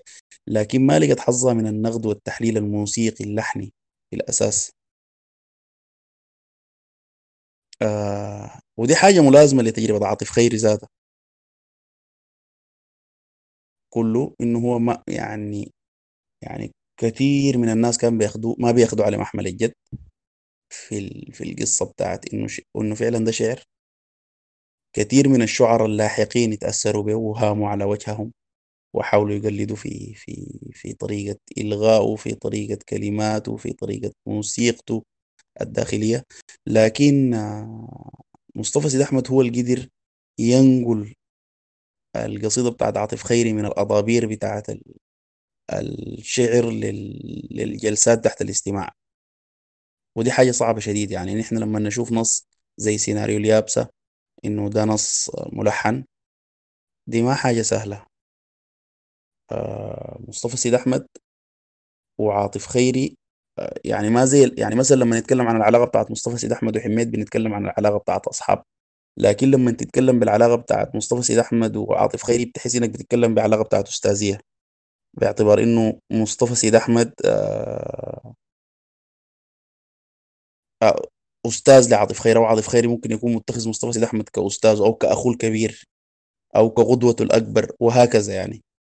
آه الحاجة الجميلة في في العلاقة ما بيناتهم إنه آه الاحترام اللي بيكنه مصطفى سيد أحمد لموهبة عاطف خيري. يعني مصطفى سيد أحمد بيحترم آه أول شيء هو مقتنع تماما إنه هذا الرجل يمتلك موهبة ما عادية تمام ومحترم الحاجة دي وخاتيها في حتتها آه مجيد مجيد ممكن حيسترسل شوية في القصة ما بين العلاقة ما بين مصطفى ومصطفى وعاطف. صدام خليت حاجة يسترسلوا فيها. هو كونه نقول ثنائية مصطفى وعاطف ما ما أدري أعتقد. غنى أربع أغاني. شهيد جالوس سيناريو اليابسة واحتشاد. في الأربع أغاني دي جالوس آه، أو شهيق كده من ال- الأشهر كده. شهيق دي لو ما غناه مصطفى سيد أحمد في الوجود ما حتتغنى شهيق لو ما غناه شهيق واختراح ذاته فكرة إنه في إنه يلم القصيدتين بلحن واحد في في قصيدة وبعد ذاك يعني أغنية 30 دقيقة أي مصطفى عنده عنده أغاني الطويلة دي اللي جينا في في أغاني كثيرة ما غير. لكن أغنية آه بالصعوبة دي بالكلمات دي بتاع ب- بطريقة عاطف خيري كونه يقعد يغنيها 30 دقيقة لو لو بيقولها ساي بيفتر يعني. زي دي أغنية لو بتقولها ساي بتفتر. خلي إنه تقعد تلحنها وتغنيها. آه غناها. هي هي غناها. مصطفى غناها ب- ببساطة شديدة ومسك العود وغناها. جالوس مصطفى قعد لها ولحنها بشكل ممتاز جدا. وواحدة من أجمل قصائد عاطف خيري اللي تغنى.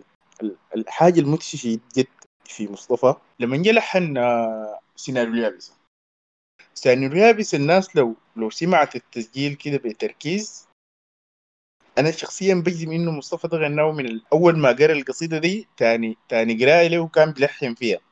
تسمع صوت الورق إنه مصطفى بقلب في الورق وهو بلحن سكتة في النص بيحاول يقرأ الكلمة صح في في حاجة رددها كم مرة في حاجة رددها آه، آه، راجع الكلمة فيها. واحدة من الحياة بتوري قدرات مصطفى في, في إنه ممكن يغني أي شيء زي ما زول قال قبل شوية إنه ممكن آه، يمسك جريدة ويلحنها عادي ما ما حاجة مستغربة في مصطفى. الكلام اللي قلته في في أول الجلسة إنه هم ما ما في زول غنى لعاطف. الأربع أغاني اللي غناها مصطفى آه غنى آه هو حتى حمزة سليمان غنى له نفست همباتا ذاتها أداء سيبي كورالي كده وفي وفيها كورس كتير وغنوا له ناس سودانيين آه، باب الروح قاعدة في المسادير وخفيفة نوعا ما كده ما يعني بتتغنى. لكن مصطفى مسك أدقل أغاني في حياته أدقل أغاني لعاطف وغناه اللي هي أكتر أغاني قاعدة بتمثل عاطف خيري. في مقولات بتقول إنه يعني واحدة من انتشار عاطف خيري انه إنه مصطفى غنى له الاغاني دي مع إنه عاطف خيري فرض روحه بأسلوبه بموهبته. آه احتشاد دي مصطفى قاعد لها بمزاج شديد. يعني مثلا أنا الليلة أنا ماشي الشغل وجاي بسمع في احتشاد. طول المشوار أنا بمشي الشغل في 40 دقيقة ومن الشغل للبيت 40 دقيقة. احتشاد مصطفى قاعد لها بمزاج شديد. هو احتشاد في شعر عاطف خيري من الحاجات اللي أنا إذا قريت احس روحي ما بر بر روحي.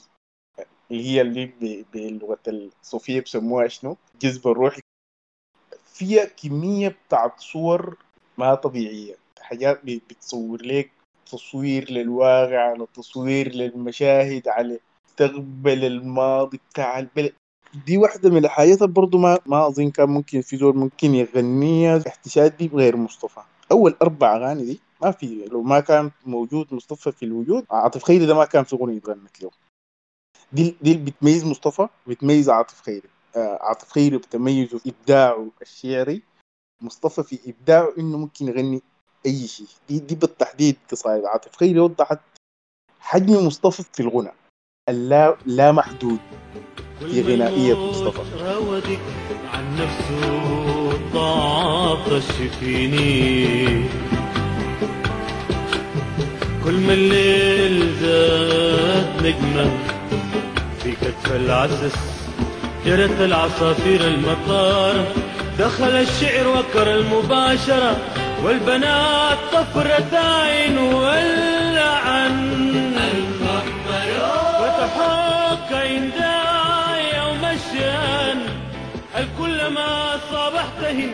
سرق نهارك ومغربا آه، طبعا ده راي هل في صدور هرطقة؟ ما عاجبه يقع البحر يعني. إنه منافسة الانباتا آه، أعظم رسائية في- اتكتبت في رجل على مدى التاريخ العربي المقروء. أنا بعتبر المنافسات دي واحدة من من واحد لو في أول خمسة هو حيكون واحد من أول خمسة فيهم وطبعا ما ال ال ال ال الكلام ده ما ما ما حقوله يعني شغل همباتا برضه لا، حنقول ليه وكيف. بداية إحنا مرينا على كل القصائد آه، آه، اللي اللي اللي كان فيها عاطف آه، شايل قدح الشوف الثقيل وكان بيطول باله إلى أبعد ما يكون وبياخد من رئته الثالثة دي وبيوسعها في غنائته. بالتشبث بالحلم حتى لو بان إنه كل شيء عكس ذلك في في أبدع ما يكون. زي ما إحنا آه، شفنا اللي عملوا في في زي اللي إحنا شفنا ع- اللي عملوا في في آه، في في جالوس بالذات. لكن بعد ده كله آه لحظة بس. آه آه بعد ده كله ال- ال- ال- آه، ال- المو- الحاجة الوحيدة اللي جابت راس عاطف خيري اللي هو اللي إحنا قلنا عليه اللي هو الناري اللي قلنا عليه بيتلفظ ده okay؟ هي آه، مصطفى سيد أحمد الله يرحمه. لأنه لأنه دي الحاجة اللي فجعته تماما مش فجعته هو فجعته وفجع الوطن الحلم اللي هو كان متخيل فيه. لأنه أكثر آه، صورة يعني كانت في في ذهن عاطف خيري طول الفترة دي okay؟ إنه كان مصطفى سيد أحمد هو اللي قاعد يجهز في في في الوطن الحلم إنه الأغاني دي حتكون بشارة وحيغنيها مصطفى لما لما لما لما لما لما يحول عليها الحول. لكن فجأة لقى إنه مصطفى سيد أحمد اللي هو بيعتبر ال- ال- الهرم والعمود الأكبر الميرق الأكبر طيب لمشروع عاطف إنه وقع وتهدى وغاب. عشان كده بنشوف عاطف في يعني في أقصى حالات سخطه من من الحال ده اللي اللي خلاص ما بقى ما بقى ينفع فيها يعطوا النفس يا جماعة. عشان كده الصورة اللي هو كان دائما إحنا قلنا إنه هو بينوع على تنويعات الأنثى ال- الحبيبة اللي هو بيخاطبها في في كل قصائده دي. آه، اللي كانت معتوقة ومعتقة ومنعتقة ونوافي حشمه يعني اللي هو ده كان هي لما حالتها بالبلى كويس؟ لما جاء هنا في في مانيفست الهمباتا هو اللي هو اللي اللي, اللي, اللي قال فيها آه آه اللهم صل على محمد خطفت توبة قالت آخ نسد باب حوشة فاتح والمطور الليلة كيف ملبوشة. تسيه منك فيه إنه خلاها هي ذا خلى الوطن ذاته يا جماعة مخلوعة أوكي؟ بخلعة آه موت مصطفى. والحس ده أنت لو هتاخد القصيدة من أولها لحد آخرها بتلقى الزول ده زي زي اللي جنة رسمي يعني ضربت كل حاجة في راسه ما بقى عارف ماضي من مستقبل حل من مشكلة هو وين ذاته. ال- يمكن من أقوى المقاطع اللي هو في في في القصيدة دي لما كان بيقول للوطن الحبيبه دسيه منك فيه ليه؟ لأنه مصطفى سيد أحمد كان هو مستودع يا جماعة للأحلام ال- ال- المسروقة والتي سوف تأتي عن قابل. عشان كده كان مصطفى مشروع إنه كان بيغني لبكرة لبكرة لبكرة. كانه كانه في مصطفى ذاته هو كان بيدس بيدس الوطن من حال من حال الوطن. فزي ما قلت لكم كان كان عاطف خيري حاليا يعني زي زي ال- الديان اللي فاتح فاتح دفاتره وعايز عايز الوطن دلوقتي إن هو أو الحبيب الوطن إن هي ترد آه، ده مصطفى في مسألة تسيه منك فيه دي. وعشان كده ده اللي بيرجعنا ليه ليه ليه منافسة الهمباتا بتعتبر من أعظم الرسائيات ال- ال- العربية المقروءة؟ عشان حاجة واحدة يا جماعة إنه مهما قلت عن رسائية آه، عن رجل إن هي حتكون من أبلغ ما يكون okay ما حتلقى رثائية مهما يعني وصل بها شاعر إلى آخر مواصل ما يريد. okay؟ إنه يحول الرجل المرثي آه، عليه ده إنه يحوله إلى إلى امرأة إلى أم. والحاجة دي يا جماعة بترجعنا أصلا ل ل ل لعاطف خيري في علاقته بال بال بال بالمحبوبه أو أو بالوطن الحبيب أو كده. هي علاقة بتاع علاقة أمومية يا جماعة. دائما الحب ده حب قايم على على على حس أمومي. عشان كده هي هي هي الحبيبة أيوه لكن هي الحبيبة اللي بت اللي بتكون في مقام الحبيبة الأم. عشان كده لو إحنا أخذنا نكر صوتك صداك في مسألة علاقة حب آه، إيكو ب- بنيركسوس هي علاقة حب أمومي. آه، مريم عل- عليها السلام آه، هو كان حب أمومي. لما بيجي بيش- بيشرح أو بيحاول يوصف الحبيبة دي في في في في في الجالوس ولا في ولا في شهيق بتلقى فيه نفس الحس ده الحس الأمومي. هنا لما وقع كل حاجة يا جماعة هو الوحيد اللي خلى من مصطفى سيد أحمد الله يرحمه خل... خلى منه أم أم عديل كده. ففي يعني لما قال كان القلب نظيف والألم كما عض الطفل ثدي أمه. كويس؟ بعدين يقول لك إنه صار جب أنا في البلد البقت ما أمه والفاتوني من طرف البحر ينخم هو بيتكلم عن عن سيد أحمد انه هو كان أم أوكي آه، ليه هو في اللحظة اللي هو البلد ذاتها ما بقت ما كانت بقت أمه. عشان كده بقى عشان كده وصل وصل يعني في في مسألة الرسائية دي. هي ما رسائية بتاعت حزن بقدر رسائيه بتاعت وضع النقط على الحروف. إنه إحنا نشوف الوطن والحلم والمشروع بتاع عاطف خيري ينهدى آه، راسا على عقب قدام عيوننا. إنه الزول ده وصل به اليأس في اللحظة ديك. كويس؟ لأنه إنه إنه يكسح كل الكلام اللي كتبه كل طول النفس دي بقصيدة الهم باهته وفي نفس الوقت بيعلي بيعلي صوت مصطفى سيد أحمد مش كأنه ظاهرة أوكي؟ أوجد ال- ال- ال- ال- الغير موجود. لا هو بيوريك إنه هو كان ظاهرة في نفس البلد سجن الرماد اللي إحنا فيه ده بكل مشاكله. وهنا شاف الموضوع ده زي زي اللي شافه يعني زي زي اللي شال الغشاوة بتاعت الشوف اللي وهي البصيرة دي عن عينه مخصوص على أساس انه هو يرسم مصطفى. عشان كده قال له يا خيل يا نبي يا براك يا ليس من مرضع بلاك. مرضع يا جماعة. لو شفت جوا النار جنين فاطينه من ثديك هلاك كان شفت جوا الجنة طين بهلينه لآدم سواك. طبعا الكتابات اللي هي مكتوبة بسقية ه- هلاك. وما أفتكر أنا لما سمعتها أول مرة مربوطة على نفس على نفس المحمل. كويس؟ فاطينه من ثديك. هلاك. ما هو كده الصورة حتبقى تبقى وقع علينا أكثر كويس؟ كان شفت جوا الجنة طين بادينه لآدم سواك وكان تكفي جغمة من الحنين ونقنع من الموجة هناك. وما كنا في جوف الكمين غنينا غنوات الفكاك وبعد كده بيمشي. آه آه لما بدأ ينادي ويوصف مصطفى قال له يا خيل قبل ما يقول أي حاجة تانية. ليه؟ لأنه مصطفى يا جماعة في في آه ودي ودي حاجة يعني التقوا فيها الساكنان زي ما بيقولوا عاطف ومصطفى إنه زي ما آه، عاطف كان آه، عنده عباية التشكيل وهو بيكتب الشعر كان مصطفى برضه عنده نفس عباية التشكيل وهو بيلحن الأغاني. ويستحيل يا جماعة يستحيل إنه تلقى كومبوزر ولا ملحن يلحن قصيدة كاملة زي ما هي غير غير ال ال ال ال الكلمات اللي عدل فيها يعني مصطفى من نبله هو ومن, طولة باله يعني. لكن ما إنه يغني قصيدة كاملة إنه يحسسك بالايقاع أكثر الناس اللي عرفوا عاطف خيري وقدروا يفهموا قصائده فهموها من أغاني مصطفى سيد أحمد بالطريقة اللي هو غناها ولحنها مصطفى سيد أحمد بالمراكب آه، وال- وال- وال composition اللي هو عمله. وفي دي أنا أفتكر إنه إنه إنه عشان كده هو هو اللي وصل آه، آه، أو عبّد الطريق لعاطف خيري إنه يصل لقلوب الناس في- ومتلقينه. عمل نفس اللي عمله يمكن مع سيد خليفة ل ل ل لقصائد محمود درويش. محمود درويش بالمناسبة يعني البومينج اللي حصل في فيه إنه هو يصل يعني بيبقى في الذاكرة الحالية كان بعد مارسيل مع إنه هذه قصائد وقاعده مكتوبة كانت في الدواوين لكن ما كان في في زول آه، يعني آه، مش ما في زول عفوا انه انه يحصل فيه البومينج الكبير ده هنا قام هنا قاعد هنا هنا هنا هنا في في منافسة الهمباتا آه، عاطف في اوحش ما يكون عشان كده بيقول اتصنتك كل الجراد الفيني مسغبة الريتيلا الطحلب الشوك اللعاب ال- الريتيلا طبعا هو ال- ال- ال- ال- ال- ال- ال- البلاك ويدو هو العنكبوت ال- ال- اللي اللي بتاكل أو بت- بت- بتفرخ ب- شفعها في في في محبوبة عشان هم يأكلوه اول أول ما يفوقوا. أو هي ذاتها بعد آه، ما ما ما, ما تحمل يعني أو بتاكل بتاكل بتاكل آه، راجلها. لكن هل اكتفى بكده؟ أنا قصدي اللي هو حالة السخط أو النارية بين قوسين إحنا تكلمنا عنها؟ لا.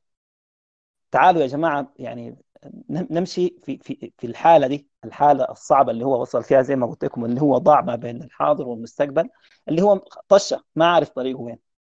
تعال هو شوف بيوصف الحالة دي كيف. لسان الواطة يتعرف على طعم الخطايا. أترى البهايم في التراب. تحلب بصيرة الراعي من شوفة اللبن ينعم. أبو الشغل الذهب يا أخي أستغفر الله أترى البهايم في التراب. تحلب بصيرة الراعي من شوفة اللبن. اللغة في زريبة ربها. تعجن حنوط المعنى في قرع السكوت. الحنوط هو حنوط الموت يا جماعة. والقا والقرع هو اللي هي الحالة ال- ال- التراثية عندنا إن إحنا بنع- بنعجن فيه حاجاتنا. بيقول لك إنه اللغة ذاتها عاجزة عنده إن هي إن هي تقول حاجة. هو قاعد يوصف عجزه باللغة دي ب- بلغة ما ما ما خطرت على بال زول قبل كده. اللغة في زريبة ربها تعجن حنوط المعنى في قرع السكوت. هسيستو بيرقه خلعت خوفه في شط النوايا. كويس؟ آه، اليرقه طبعا هو بيقصد بها دائما اللي هو دوت الح- الحرير آه، يعني في كم تنويعه من قصائده كان بيجيها فيها. كويس؟ إبليس حبيس العلة في كلمة سجود. أستغفر الله العظيم الوا- الواحد داير يتلفظ جد يعني بس. إبليس حبيس العلة في كلمة سجود اللي هو رجعنا حاليا لمبدا مب- مبدأ السردية التاريخية. كويس؟ آه، انه انه اللي هو الملاك الساقط يعني. كويس؟ إن هو ما عشان عشان كلمة السجود دي. طيب لاحظوا إن هو بدأ ال- ال- الحالة حاليا ماخذانا من بدأ بها من أثر البهايم وشوفت اللبن. ال- في عفن حاصل يا جماعة. في في مسألة بتاع التحلل. كويس؟ وهو. هو خاشي بوسيط اللغة داخل حالة التحلل دي. من أثر البهايم لشوفت اللبن دلوقتي لليرقة. وبعد ده وصلنا لإبليس بعد كده يقول لك والدود يجيك من شدة في لفظ التخمر. ال- ال- ال- ال- ال- الشدة اللي على فوق حرف الميم ده هو شافها دود يا جماعة. وبعد ده تسمع حنين الشمس في ظل البيوت همهمة الجرح لحظة تعود من غربة الجسد الخلايا لا إله إلا الله. لجنت لسان الضوء إذا نطق الزوايا. دي تشكيلية يا جماعة لما تلقوا آه، تلقوا الظل في, في, في الزاوية دائما بتلقى الظلات تتقاطع فوق بعضيها يعني. مع إنه مع إنه مصدر الضوء واحد. كويس؟ هو هو تخيل انه إنه ده دي لجنة من للضوء. كويس؟ إنه انها ده لسانها وعشان كده عشان عشان فصاحتها أو بلاغتها دي المهروتة بيبقى بيبقى لجنة لسان الضوء إذا نطقت زوايا ودخلة الكاف الصبي. على نونا يرن خلخال في قلب النبي. هنا أنت متخيل إنه خلاص هنا هنا هنا هنا احتشدت المشيئة دي ذاتها؟ كويس. لا هو يقول لك ودخلت الكاف الصبي على نونا يرن خلخال في قلب النبي تسمع زغاريد العدم لا إله إلا الله لا إله إلا الله. بسبب موت مصطفى يا جماعة القصيدة دي كان هو بيرسي فيها مصطفى وبيرسي فيها الباب وبيرسي فيها حاله بالمناسبة. كان المدماك والإسفين الأخير اللي حصل وانقطع بينهم عاطف خيري عن مشروعه الشعري ذاته وعن عن كينونته في البلد دي كان موت مصطفى. لأنه عشان عشان كده هو قال نبوءه بالمناسبه هو كان قاصد به نفسه. لما قال آه، في الموجة الحتى في باله ظنها طافية غامت حنانة في إيده وينقع عافية تشبه في الوقع من عشه. خوفه وقت يطير لا يلقى قبلة لا طفل في إيده نبلة ولا غصن ذو شوك رحيم والبادي أجمل. النيت لوجه الله مسقط غربتي وخارج طبع هذا المجاز. ده بيقصد عاطف خيري ذاته بيقصد نفسه وده اللي عمله انقطع عاطف خيري عن كل حاجة بعد ما بعد ما بعد الرسائية دي اللي رسى فيها نفسه كل شيء. عشان كده يرجع تاني آه، بيقول لدودي في الغياب مشرع ظلمة بقتي حتفي حبيبي ومشتهى أسفي محاذاتي وعلوقي إذا هنك. وفطمتني. شكرا حزينا جل من يسهو يغمد فيك غاية يشبهك. جانبني في وادي الضريس القلب فرناغة.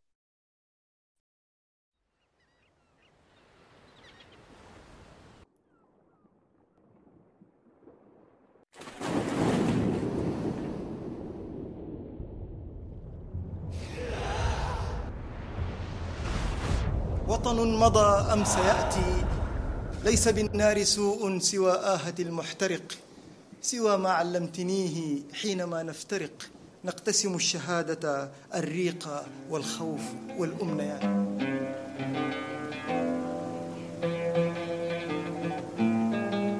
الشهقة الأربعة عشر سيناريو البحث عن الشعر.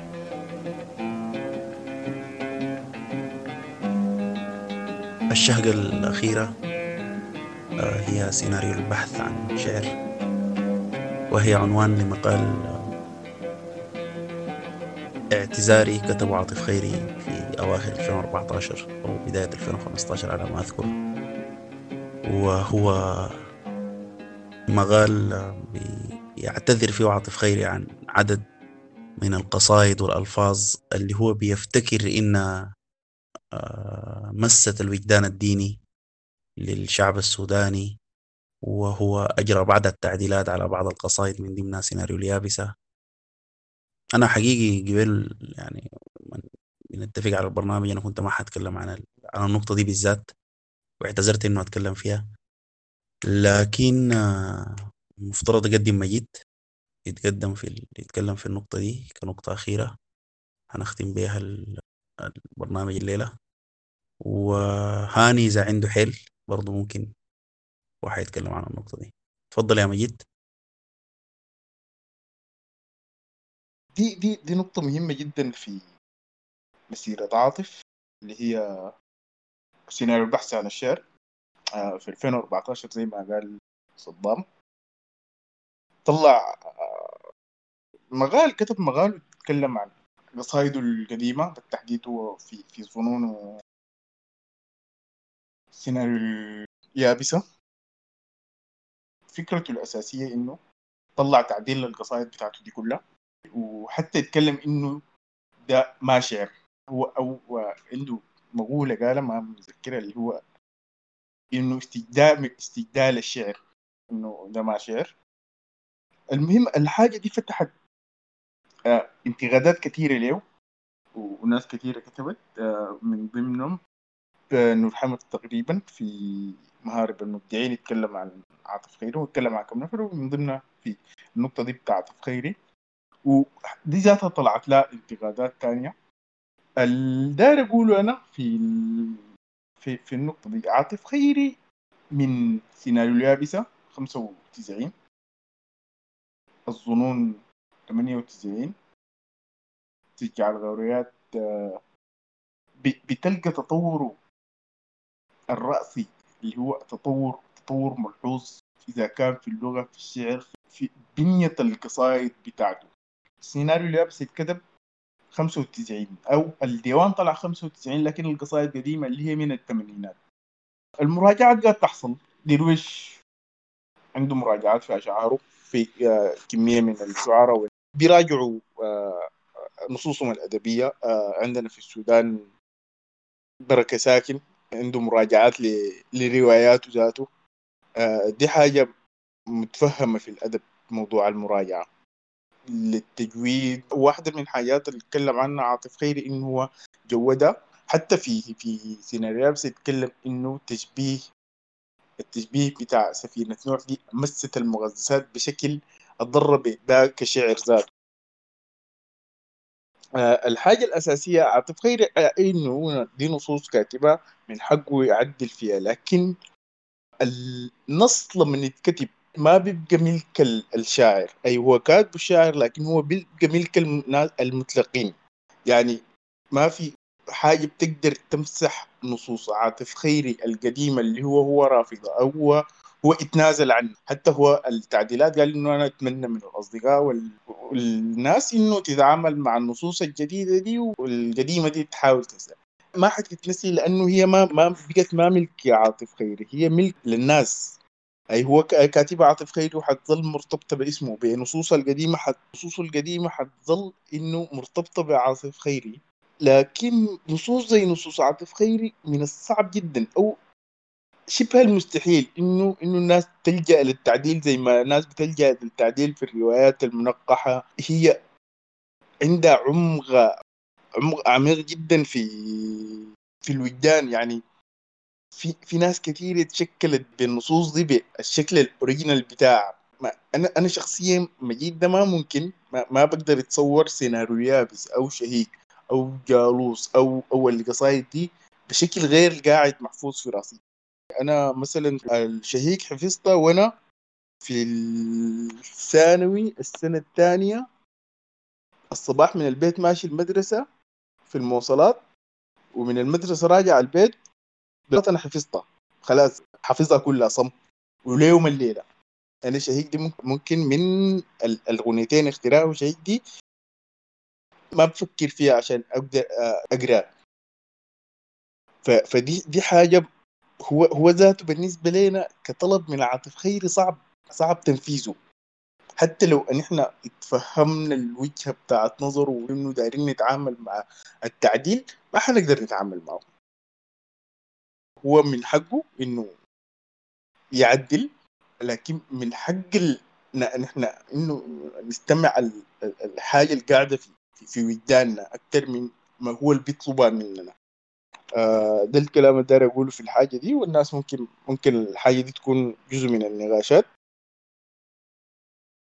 إحنا يمكن أو أنا شخصيا بدأت لما بدأت أفكر إنه حقول شنو عن عاطف خيري كنت شايل هم ال- ال- ال- الحتة دي. إنه نبدأ بسيناريو ال- ال- البحث عن اليابسة ونصل لسيناريو البحث عن الشعر لأنه دي مرحلة ملغزة جدا وزي ما هو عودنا آه، بالشهقة وبال- وبالحاجات اللي بتضرب الرأس. الموقف ده لحد هسه ما ما مفهوم آه، من ناحية القراء مع إنه متقبل يا جماعة. السؤال بسيط هل من حقه إنه يراجع النصوص؟ أيوه من حق أي فنان إنه هو يراجع النصوص.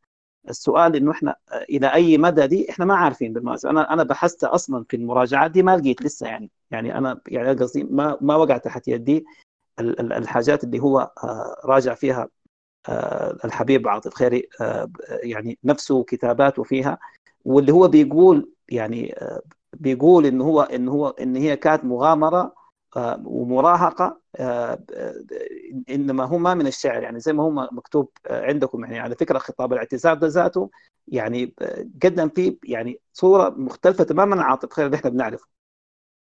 وأنا بقدر الموضوع ده كفنان أنا قصدي أنا بقدر ال- ال- الحاجة دي وبفهمها تماما.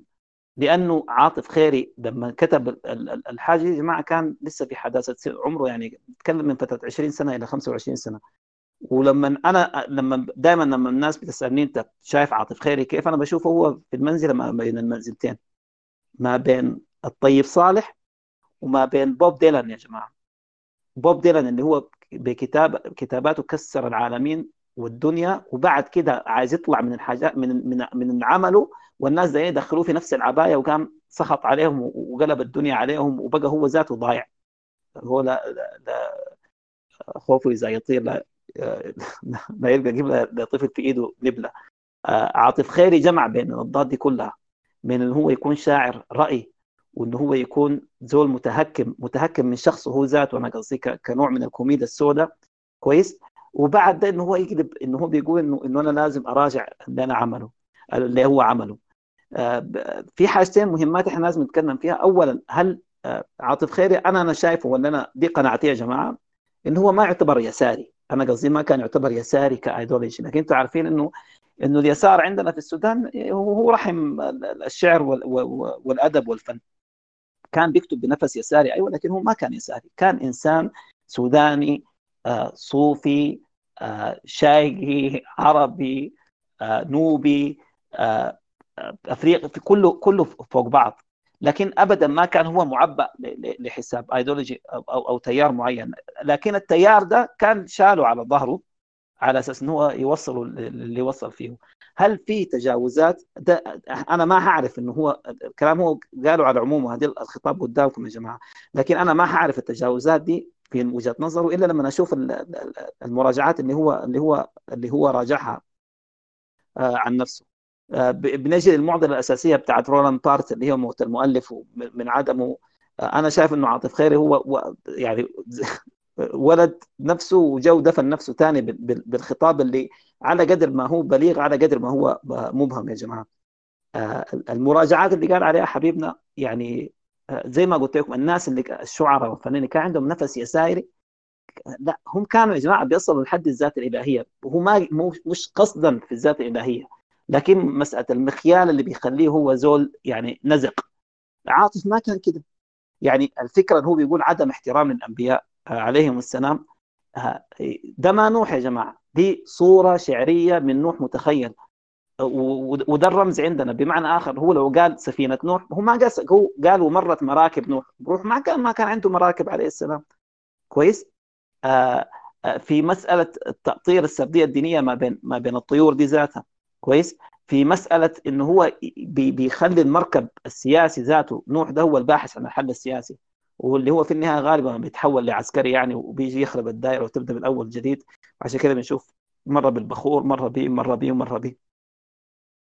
آه آه السردية لما هو كان بيحاول إن هو يوظف ال ال الكلام عن التيار الإسلامي آه وين ولدك؟ قلبته على جبل وين آه بلدك ضربتها في مثل. دي يا جماعة دي دي اسمها سردية اختزالية بتاعت شعر. ما فيها ما فيها مساس ب ب ب ب ب ب بعظمة الأنبياء عليهم السلام. فزي ما قلت لكم هو ما هبش الرموز الدينية. هو هو هو بيحس وده ده, ده وجهة نظري إنه هو بيحس إنه إنه إنه في في في تخيله هو كان كان في نوع من المراهقة أو الجرأة خلينا نقول. وده بيحصل لأي بني آدم في الدنيا لما بيعدي عقد من عمره يتلفت لورا حيلقى حيعاني الموضوع ده لأنه لأنه لأنه بواطن الحكمة عنده لازم تتجلى له أكثر ولا ولا ما حيكون بني آدم. خليك إنه هو يبقى إنه هو يكون آه فنان آه أو شاعر. ف آه يعني الإجابة على السؤال ده عند عاطف نفسه. أعتذر جدا يا جماعة عن التأخر اللي ما كان مقصود. وشكرا جزيلا.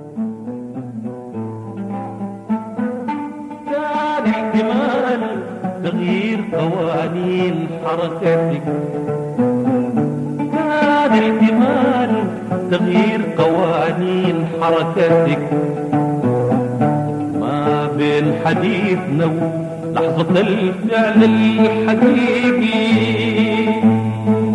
وانتباهك انت للشارع اللي بيرجع تاني لنقطة بدايته وانحيازك انت للشارع اللي بيرشح في مسام رملة توقع وما تعرف قانون نهايته غيت أمشي في الدرب البطابق فيه خطوة صوت حوافرك غيت أمشي في الدرب البطابق فيه خطوة صوت حوافرك. يا فرس كل القبيلة نجموا يكسر قناعاته ويكبر يسكن مع البدو في الخلاء